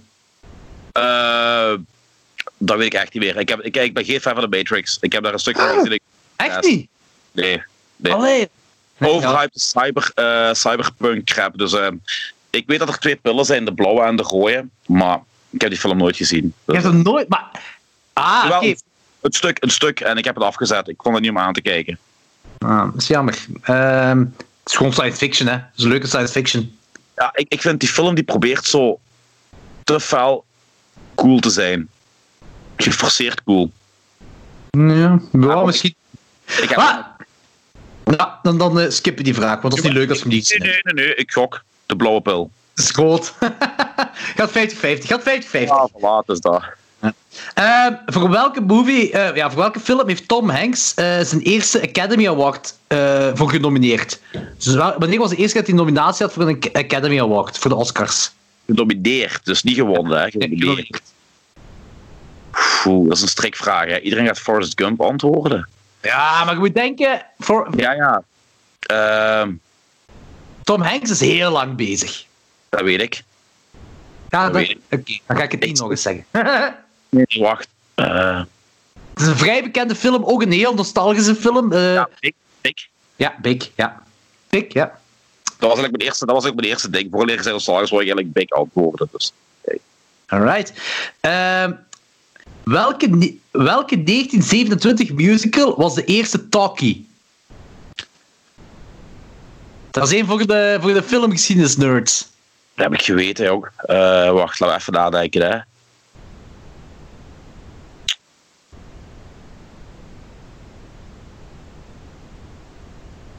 Ah, kut. Kut, kut, kut, kut, kut. Eh, dat was niet... Sound Music is van 33. 27, hè? Dat was de eerste film waarin gepraat werd. Nee, nee, dat is later. Eh, Het is fout, maar ga het gewoon antwoorden. Singen in the Rain. De jazzzinger. De jazzzinger, juist. Juist, ja. Wat is de naam van de wolkenkrabber in Die Hard? Nakatomi Plaza. Nakatomi Plaza. Ehm, welke shocking Wes Craven horrorfilm ehm, heeft de tagline To avoid fainting, keep repeating... Last House on the Left, inderdaad. Ja, ik zo paar... Ah, hier. Welke Amerikaanse schrijver-regisseur... Oh ja, dat kan zoveel zijn. Maar oké, wat. Welke Amerikaanse schrijver-regisseur eh, start een heel veel eh, iconische Europees geproduceerde eh, spaghetti westerns? Dus welke Amerikaanse schrijver-regisseur eh, was ook de hoofdrol in heel veel verschillende iconische Europees geproduceerde spaghetti westerns? Leone? Je zit echt veel te ver aan het nadenken. Het is veel bekender. Acteur, hè? Het is ook, het is, ai, die heeft echt Ah. geacteerd als hoofdrol. Hè? Schrijver, regisseur. Het is een schrijver-regisseur, maar hij staat ook heel veel bekend als hoofdrolspeler in spaghetti westerns. Is goed. Die is goed, inderdaad, ja. Weet je trouwens wat de allereerste film is van hem? Waar hij in geacteerd heeft? Eh, nee. De tweede Creature from the Black Lagoon. Och. Ja, hij heeft, hij heeft echt een klein bijrolletje als, als eh, laborant-assistent. Ah, cool. Eh, we zullen nog één doen om af te sluiten. Ah, om in deze quiz af te sluiten. Hè. Eh, ik denk, ah, hier. Wat, ah, wat is de naam van, eh, de, eh, van de Anthem Dance op het, bijna op het begin van de Rocky Horror Picture Show? Dat weet ik. Dat weet ik niet meer. Ik heb hem heel veel gezien, maar dat weet ik niet meer. Time Warp. Ja. Coole quiz. Ik had toch al... Ik ben geslaagd, dus... Je bent geslaagd, dat is waar. Je bent een filmkenner. Want eh, ja, het waren ook allemaal vrij makkelijke vragen. Eh, het, was, het was een tof aflevering wel vandaag. dat vond ik ook. Het was eh, een beetje niks voorbereid, dus gewoon eens kijken wat we kunnen. We hebben de micro getest. eh. Ik weet niet of dat... Ja. ik weet ook niet. Maar misschien moet je nog eens... ik, ik weet dus niet of, we- of we nu via de micro u aan, het- aan het horen zijn of, of via... eh, eh, Ik hoor het gewoon niks om een track heeft opgenomen daardoor. Maar dat is, eh, ja, dat is een aflevering weggegooid, hè? maar ja, we kunnen er wel... We hebben een gezellige avond gaan we bier kunnen drinken, dus... eh Ja, stof. eh, de week is doorbroken. Voilà. Voilà. Nee, ik, ben, ik ben ook wel psyched voor de volgende peperkukkerij. Dat is die punk-aflevering dat we gaan doen, hè? Ja. Ja. Met Bo, eh jij had acht uur aan muziek doorgestuurd. Ja. En ik had, ja, in totaal 300 liedjes heb ik doorgestuurd. Maar ik heb zo... Ik heb... Ja, je hebt, je hebt gewoon... Je hebt albums doorgestuurd, hè? Ja. Naar Bo. Maar echt zo via YouTube of, of echt gewoon lijstjes? Ik heb een lijstje doorgestuurd via WhatsApp. Check die Ah. Check die.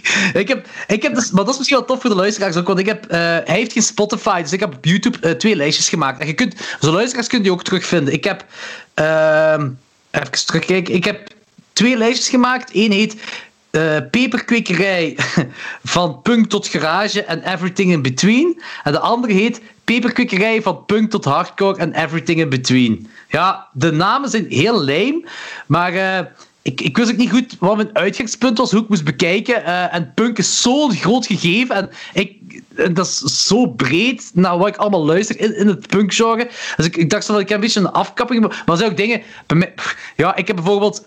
eh, waar maak je het onderscheid? Ik heb Sunpower heb bijvoorbeeld bij die, dat, dat punk-hardcore lijstje. Terwijl Ja. dat eigenlijk ook wel gewoon... De punklijstje kan, want Dead Candy zou ik dan een punklijstje doen. Ah, ja, weet je, dat is zo... Ja, maar het is, ja, het is eigenlijk hoe je zelf het genre invult, jong. Ja, en tuurlijk mijn lijstjes, dus fuck you allemaal. Als ik, ik, heb, ik heb Your, Your Highness en, en, en, en bij, bij, bij punk hardcore dingen gedaan, terwijl het absoluut geen hardcore is. Maar fuck it. ik heb er wel een stuk. Maar dus de luisteraars kunnen ook naar luisteren. Dus je vindt daar gewoon terug uh, peperkwikkerij eh, lijstjes van, van punk tot hardcore en everything in between. En van punk tot garage en everything in between. Eh, omdat, ik vond, ik vond het wel... Ik, ik vond dat heel interessant. Dat, hoe oud is Bo? 20? 20. 20, hè? Wat super jong is. En eh, het, het, het rare is dat het 20 is en hij. Hij, het is echt zijn, hij, is daar heel nieuw mee. Hij, hij, hij, hij heeft er geen weet van. van alles wat met punk te maken heeft. De enige muziek dat hij kent is music, van musicals.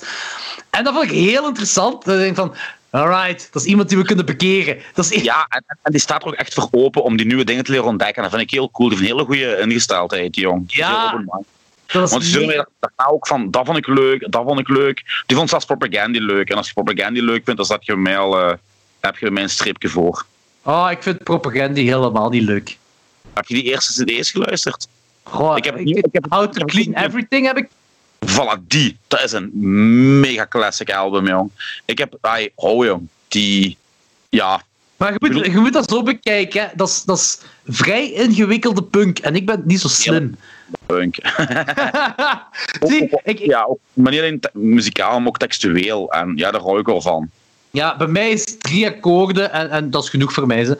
Als, als, als te, veel is, te veel is te ingewikkeld voor mij. Dat is allemaal zo, oef, dat kan ik niet aan. Ja, ik, ik ben, ik Dragon Force, hè, dus... eh, oh ja, oeh, ja. Dat, pas op. Dragon, Dragon Force is wel graaf om live te zien, dat wel. Dat heb ik al eens live gezien. Maar... Ik, ik heb, dat is nog een, een leuke anekdote, misschien mee af te sluiten. Ik, heb, eh, ik ging Dragon Force kijken in de Bebop in 2004. En er speelde een, eh, een, een heel onbekend bandje in het voorprogramma. Wat wel leuk was. Ik weet waar dit naartoe gaat. Ja, er was, eh, Danny gaat mij haten. Er was Ja. eh 200 man en een kameraad van mij, die gaf me daar een cd van. En zei van, moet dat luisteren. Die spelen in het voorprogramma van, van Dragon Force. En dat is wel vrij leuk. Ik zei, oké. En dat bandje wat we toen gezien hebben voor 300 man in de bebop was Sabaton. Die vijf jaar later gewoon voor 50.000 man speelde op Graspop. Ik vind het wel cool.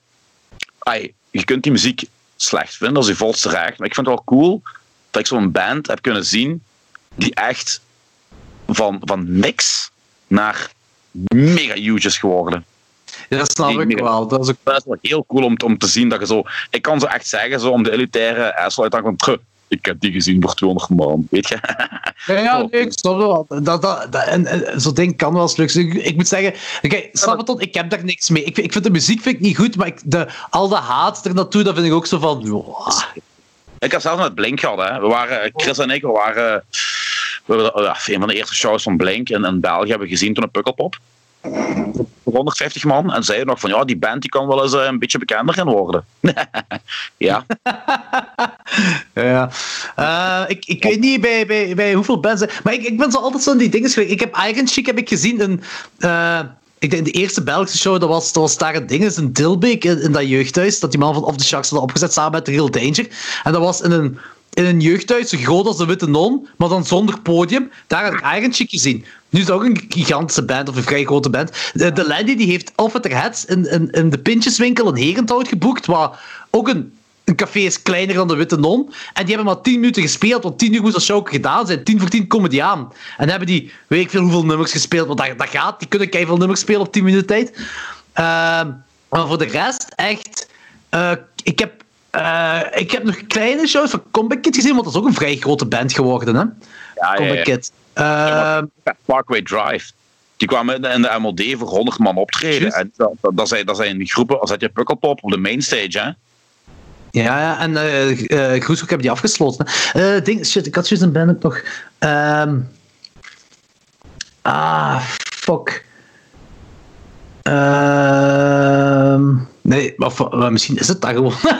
Eh, nee, voor de, rest. Ik, maar zo, zo- ja, ik weet het niet. Ik heb zo die, die, die dinges van. Hoe moet je dat zeggen? Eh, van dat punkbands mainstream zo MTV-successen of zo, dat, dat bestaat ook gewoon niet meer, hè? Nieuwe bands. Nieuwe bands bedoel ik dan. Kijk, je hebt wel zo een Joyce Weinig dat wel iets groter is geworden, of... ehm, Maar gelijk toen. Nu het was, nee, nee, plus. Nee, dat is toch niet meer, hè? Dat is zo, gelijk, Blink-182 heeft ook in de Lintfabriek gespeeld, Green Day ook. Eh Offspring heeft dinges die hij eh, ter, Terwude, of hoe heet hem daar, de, de nonkel van, van, Ja. eh, van Hanne, Ja, die heeft, die, die heeft me ooit eens verteld dat hem de Offspring in Tessenderlo volgens mij ergens in een kot heeft geboekt. Nog voor, dat, nog voor Smash en zo uit was. Dus die is ook mega huge geworden, maar dat, dat bestaat nu gewoon niet meer, denk ik. Nee. Want ik weet toen ik mijn eerste CD van Offspring ging kopen in Gengen New Music, zei die man van de CD-winkel, goh, dat is import man, dat moet ik bestellen, dat komt binnen drie weken pas aan. ah, ik heb, wel een, ik heb wel een voorbeeld. Equal Idiots. ja, voilà. Equal. Idiots.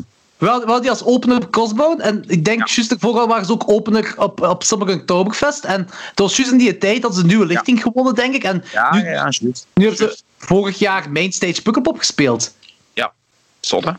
Ja, maar voor de rest eh, denk ik niet. Je hebt zo dingen gelijk A Day to Remember van die eh, crap wel, wat heel bekend is Ja. geworden. Maar Ja. voor de rest, ik denk dat dat een beetje dood is gevallen. Ja, dat is ook. Ja, Ja. nee? Ik, kan- ik kan me echt geen nieuwe bands, bands be- bekijken dat genre, of eh, heel breed genomen zelfs dat genre, dat zo gigantisch is gelijk, of zo gigantisch kan worden, of is geworden gelijk. Want zelfs, zelfs als je bekijkt, zo, Green Day of Blink-182 of zo, als je dat vergelijkt met Dropkick Murphys, Dropkick Murphys is al een gigantische band. Nog eens Dropkick Murphys klein tegenover Green Day. Ja. Ja, ja, ja, ja, ja, als je die vergelijking doortrekt wel. Maar Dropkick Murphys, die spelen ook voor een eh, volle Lotto Arena. Hè? Ja, maar ik denk dat Green Day toch gewoon een pak bekender is, niet? Ja, ja, ja, ja, sowieso. Ah, wel, er zijn geen punkbands van ook zo. Maar dat is langs de andere kant moet dat ook. Nee, dat hoeft eigenlijk ook niet. Pak het, laat het maar gewoon zo, ja, anders heb je veel te veel te billen in de shows komen. ja, Dus, eh, ja, ja dat, dat, dat is waar. Maar ook, ook eh, het ding is gewoon van, er, er komt wel geen, er komen geen jonge mensen meer bij. Nee. Dat is dan weer het nadeel. Ja, maar dat zijn gewoon weer, dat zijn golven, jong. Dat komt en dat gaat. En dat Ja. altijd zo zijn. Ik, ik weet niet hoe dat komt, ik weet niet waar dat vandaan komt, maar gelijk, eh, dit is misschien een beetje actueel zelfs, dat gelijk eh Tony Hawk 2 krijgt nu een remaster, maar Ja. dat dat eigenlijk onze generatie gedefinieerd. Ja, en die soundtrack daarvan, die, er zijn zoveel mensen die niet into punk waren, die zoveel punk hebben leren kennen door die soundtrack. Dus ik hoop dat eh, de, de jonge generatie van nu, die toch die, die, die remastered versions gaan spelen, die leren dan een Bad Religion kennen, een Goldfinger en zo. En eh, die zijn misschien weer mee, hè. Ja. Ik was, ik was, dit is in 2000 uitgekomen, dus ik was 13 toen, toen ik, de, toen ik eh, dat spel eh, had. En dan heb je die bands en Tony Hawk Pro Skater 3, dat was ook te dragen. 2 is in 2000 uitgekomen, 3 in 2001. En dat lijkt, zeker als je zo jong bent, hè, dat lijkt zo alsof dat zo 10 jaar duurt. Zo. Zodat je Ja. maar één spelletje speelt, maar dat is zo, eigenlijk dat is een paar maanden. Je is het ene gespeeld, Ja. een paar maanden gespeeld, dan het andere. Maar Tony Hawk's Pro- Skater 3 heeft ook wel veel voor mij gedaan. Dat je ook eh, de Ramones en de Dwarfs, de Dwarfs heb ik leren kennen door Tony Hawk Pro Skater 3. Eh, en ja, ik weet, dat, dat, heeft heel veel te, dat, dat heeft heel veel te maken. Die spelletjes hebben heel veel te maken hoe dat mijn muziekgenre heeft beïnvloed en eigenlijk mijn leven heeft beïnvloed. Eh, weet jij nog wat uw allereerste punk-cd is?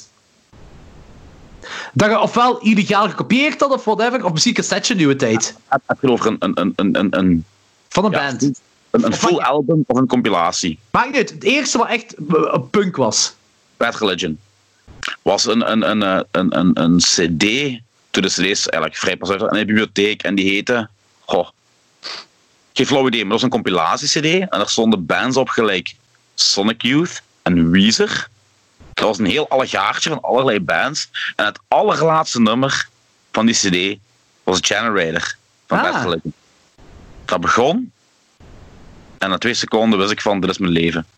En, en, en wanneer was dat? Eh, welke tijdsperiode ongeveer? dan spreken wij over. Wacht. Eh, t- t- 293, denk ik. Eh, begin jaren 90, echt. Was ik Ja, zes want jaar of zo. daarvoor, eh, voor eh, de punk en de hardcore, was het bij mij ehm, Nirvana, Guns N' Roses, Body Count en al die dingen. Eh, Sepultura. Dus ik, ik had een, een, een, een, een aangetrouwde neef, dus het lief van mijn. Mijn, mijn ma is een nakomeling. Dus bij gevolg zijn mijn tantes en mijn onkels veel ouder en zijn mijn neven en nichten ook veel ouder. En ik was toen ik een jaar of acht, negen was, begon ik me wel te interesseren in muziek met gitaren. En het toenmalige lief van een van mijn nichtjes, die toen al ja, 18, 19 was, die er ondertussen nog altijd mee getrouwd is, en die duurde dus nu al over de 50, die gaf me cassettes met Body Count en Sepultura, Guns N' Roses en die dingen. En andere neven ook, die waren allemaal zo wat in dezelfde scene. En dus ik ben, dat was mijn opstapje, weet je, naar, naar gitaarmuziek, dus die dingen. En eh, toen Bad Religion. En ehm, het is heel lang qua punk alleen maar Bad Religion gebleven. En de Sex Pistols en al die dingen. En ehm, toen kwam ik op het middelbaar aan. En ik had een, een, een, een typische tie-dye eh, longsleeve van Nirvana. dat was mega in die tijd. En eh, toen kwam Chris Jamro, die ik niet kende. Zo heb ik die ook leren kennen. Corona Kip Chris. Corona Cap Chris. Die kwam naar mij toe, die kende mij dus niet, hè, moet je denken. Naar mij toe, hé, hey, geef me dus van Nirvana aan. Hè. Ik zei, ja, nee hoor, ik geef je dit, veel beter. En toen gaf hij me een cassetje van Lijkwagen en ik was verkocht.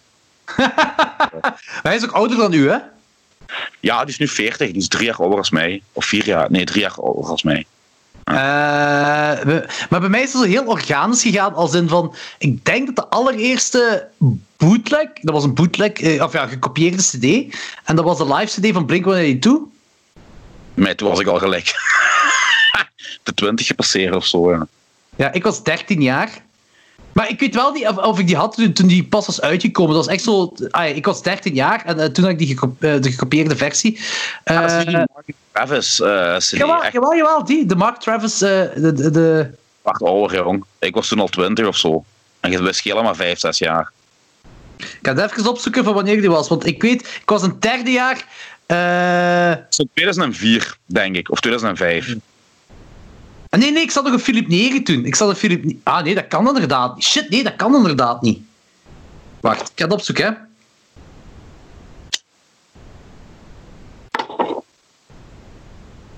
Oei. Eh, hoe heet die? De Mark, Tom, Mark Tom en Travis Show, hè? Ja.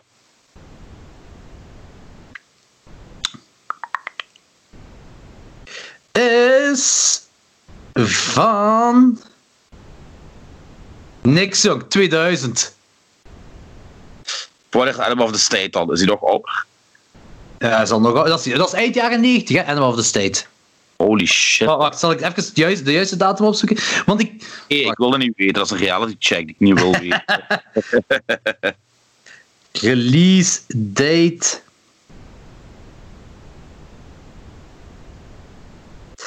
Eh 1999. Ja, Fuck. Ja. Eh, dus ja, dus, dus, dus ik zeg, ik was 13 jaar. eh, en dat was zo organisch, want ik heb toen, in de tijd, dus ik was 13 jaar, en dat heb ik via een maat van mij, want ik had dat spel niet, was Tony Hawk Pro Skater 2, dus dat daar kapot gespeeld, zo lang mogelijk, waarschijnlijk een week of zo, toen ik het zelf eh, gekopieerd gekocht of zo. Maar, maar dan wel zo die dingen gelijk Lijkwagen en zo leren kennen dan van Lijkwagen en... ik weet niet wat, maar dan in de bibliotheek terechtgekomen op compilatie-D's van Epitap Records en van Fat eh, eh, Records. Ideaal? Ja, voor Ja, en zo die dingen leren kennen. En, zo kwam, en dan mijn eerste eh, eh, echte CD dat ik gekocht had, wat punk was, was de Ramones live CD, It's Alive. Ehm, want op Tony Hawk Pro Skater 3 heb je dan Blitzkrieg Bob. En dan is zo, ah ja, dat is de Ramones. En die mannen van Pennywise waren heel veel over de Ramones bezig. Ehm of die coverde de Ramones ook toen in een tijd of zo. Ik weet dat niet meer juist wat dat was. Maar ik, wou de Ramones, ik moest iets van de Ramones hebben. En ik weet dat ik It's Alive gekocht had. En ik vond dat mega zot, want ik kende alleen het nummer Blitzkrieg Bob. Ik denk dat ik het alleen maar kende toen. Ik was 13 jaar of 14. En ik kocht It's Alive. En die spelen live een nummer 700 keer sneller. Ja. ja. en die zeggen ook niks. Dus gaat zo Blink mij toe, de live CD, waar constant gezeven wordt en mopjes, perfect voor een puber. Echt van die puberale mopjes. En bij de Ramones is dat gewoon... Je hebt die, het. ja, ja, voilà. Gewoon uw intro van The Good, The Bad and The Ugly. En dan gewoon een instrumentaal nummer. En dan gewoon de hele tijd spelen. Wat natuurlijk voor de hele tijd spelen. En ergens halverwege zegt Joey gewoon... Has anybody seen Stephen King's Pet Cemetery? This next song is called Pet Cemetery. En dan is het zo wat hij de hele die live show zegt. Wist je trouwens dat er voor Tony Hawk Pro Skater een ander skatespel was op PlayStation? Dat heette eh, Street Skater. Wow, nee, nooit van gehoord. Eh, dat was voor Tony Hawk en die had ook een hele goede soundtrack. Eye Against Eye, die Hollanders stonden erop. Ah, echt? All, all, all, Less Than Jake, The Pie Tasters. Wat, dat was dan de voorganger of wat? Nee, dat was, ah, dat was een mega brak spel. Dat waren van die. Dat, dat had eigenlijk niks. meer- we kochten dat, want het ging over skaten, weet je. En, en was oeh, een spel met skateboards op de PlayStation. Kopen die handel. Ehm, maar dat waren echt van die absurde trucken die totaal niet realistisch waren. Die omgevingen waren ook niet realistisch. Eigenlijk was het een kutspel, maar ja. Dat een skateboard en punkmuziek, dus we waren blij, weet je. ja. Skating je vroeger veel? ja, bij kon er geen kloten van. Want, ik zat aan de brug in Gijk. Ja, brug onder de brug in Genk, hè? Ja. Ja, en toen, konden we nog in de shoppingbollen en eigenlijk het enige wat we voornamelijk deden was eh, bier drinken, een joint roken en af en toe eh, skaten. Zalig. Ja, Maar dat, was, dat was de tijd dat je zo... Als je nu skate, is dat cool. Als je toen skate, was je een paria. Ik bedoel, eh, toen ik op het middelbaar zat in Genk, de skaters waren zo, werden zo marginaal beschouwd dat we zelfs met rust gelaten werden door de bullies. De bullies deden ons niks, omdat die ons gewoon te marginaal vonden. Dus we stonden altijd met een paar man met baggy pants. ehm, Venoms. peuken, venoms en eh, ja, peuken, peuken te roken op de sportvelden. En we waren zelfs niet interessant genoeg om gepest te worden. Maar we, gewoon zo, wij, wij werden echt bekrist uitschot. Gelijk een clueless. Daar worden skaters ook zo volledig gemarginaliseerd.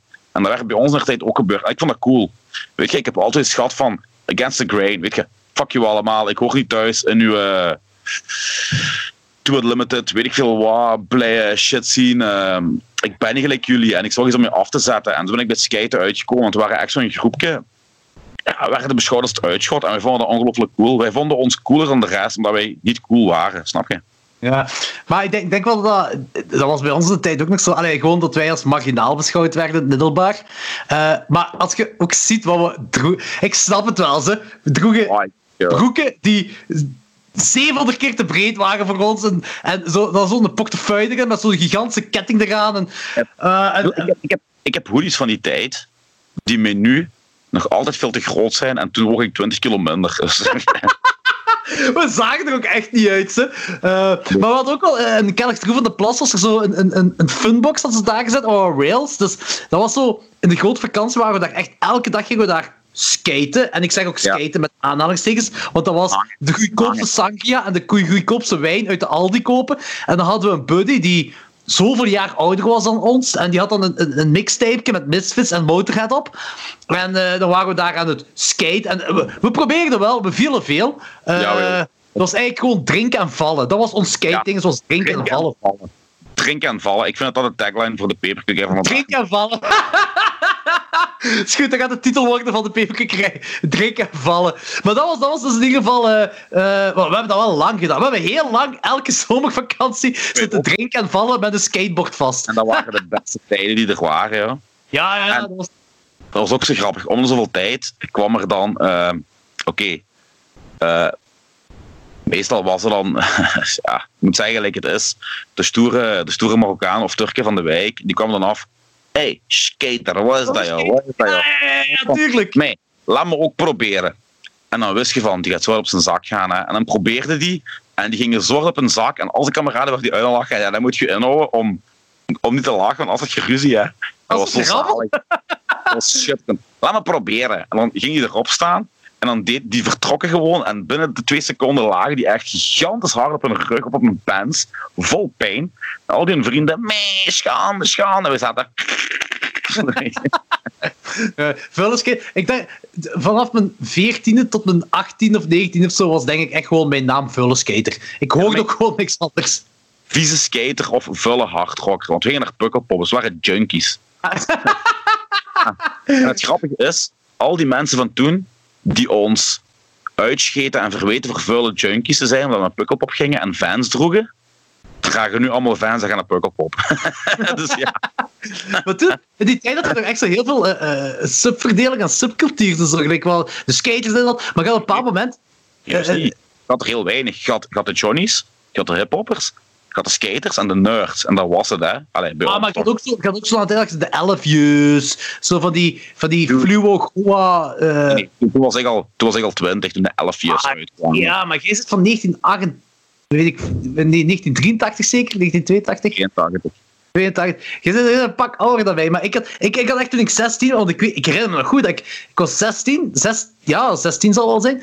En heel veel mensen, want toen heb ik dingen, toen heb ik Dennis leren kennen. Maar ik weet niet meer hoe ik Dennis heb leren kennen. Maar Dennis die woonde in een huis samen met nog andere mensen. En daar werd heel veel fuiven en feesten gehouden. En daar hebben de markt. Dennis in de herberg. Ah, oké, ja. Ja, en Met, daar met, zijn onaf- met zijn onafscheidelijke lichtblauwe Millencolin hoodie. En Ja! Juist, juist, juist, dat is Ja. waar. Oh, dat was ik helemaal vergeten. Maar daar waren, in zijn huis waren heel veel feestjes gehouden toen. En iedereen was ook into punkrock. Dus dat- en plots had zo iedereen besloten om into dubstep en drum and bass te zijn. Maar zo, ik, dat was echt mijn ding niet. Ik raakte erin. En dat was echt zo'n hele afscheid. Iedereen was into goa, dubstep, drum and echt. En kijk, ik, muziek, jij weet ook, muziek is, iedereen weet dat dat is een subjectief ding, hè. Maar ik, vond, ik ga er echt van uit dat objectief gezien wetenschappelijk bewezen is dat Goa een kutgenre is. Ik vond het nog wel leuk, ja. Ik heb, Dat is echt... Ah, Goa en dru- dubstep en drum en bass, al die... Wacht, wacht, wacht, wacht. Ik haat IDM, maar er waren twee elektronische genres die ik kon appreciëren. Dat was Goa en Gabber. Electronic, ja, die elektronische muziek. Ah. Ik was helemaal niet mee met techno. Ik was zeker niet met drum and bass. En zeker niet met die latere crap gelijke eh, dubstep en zo.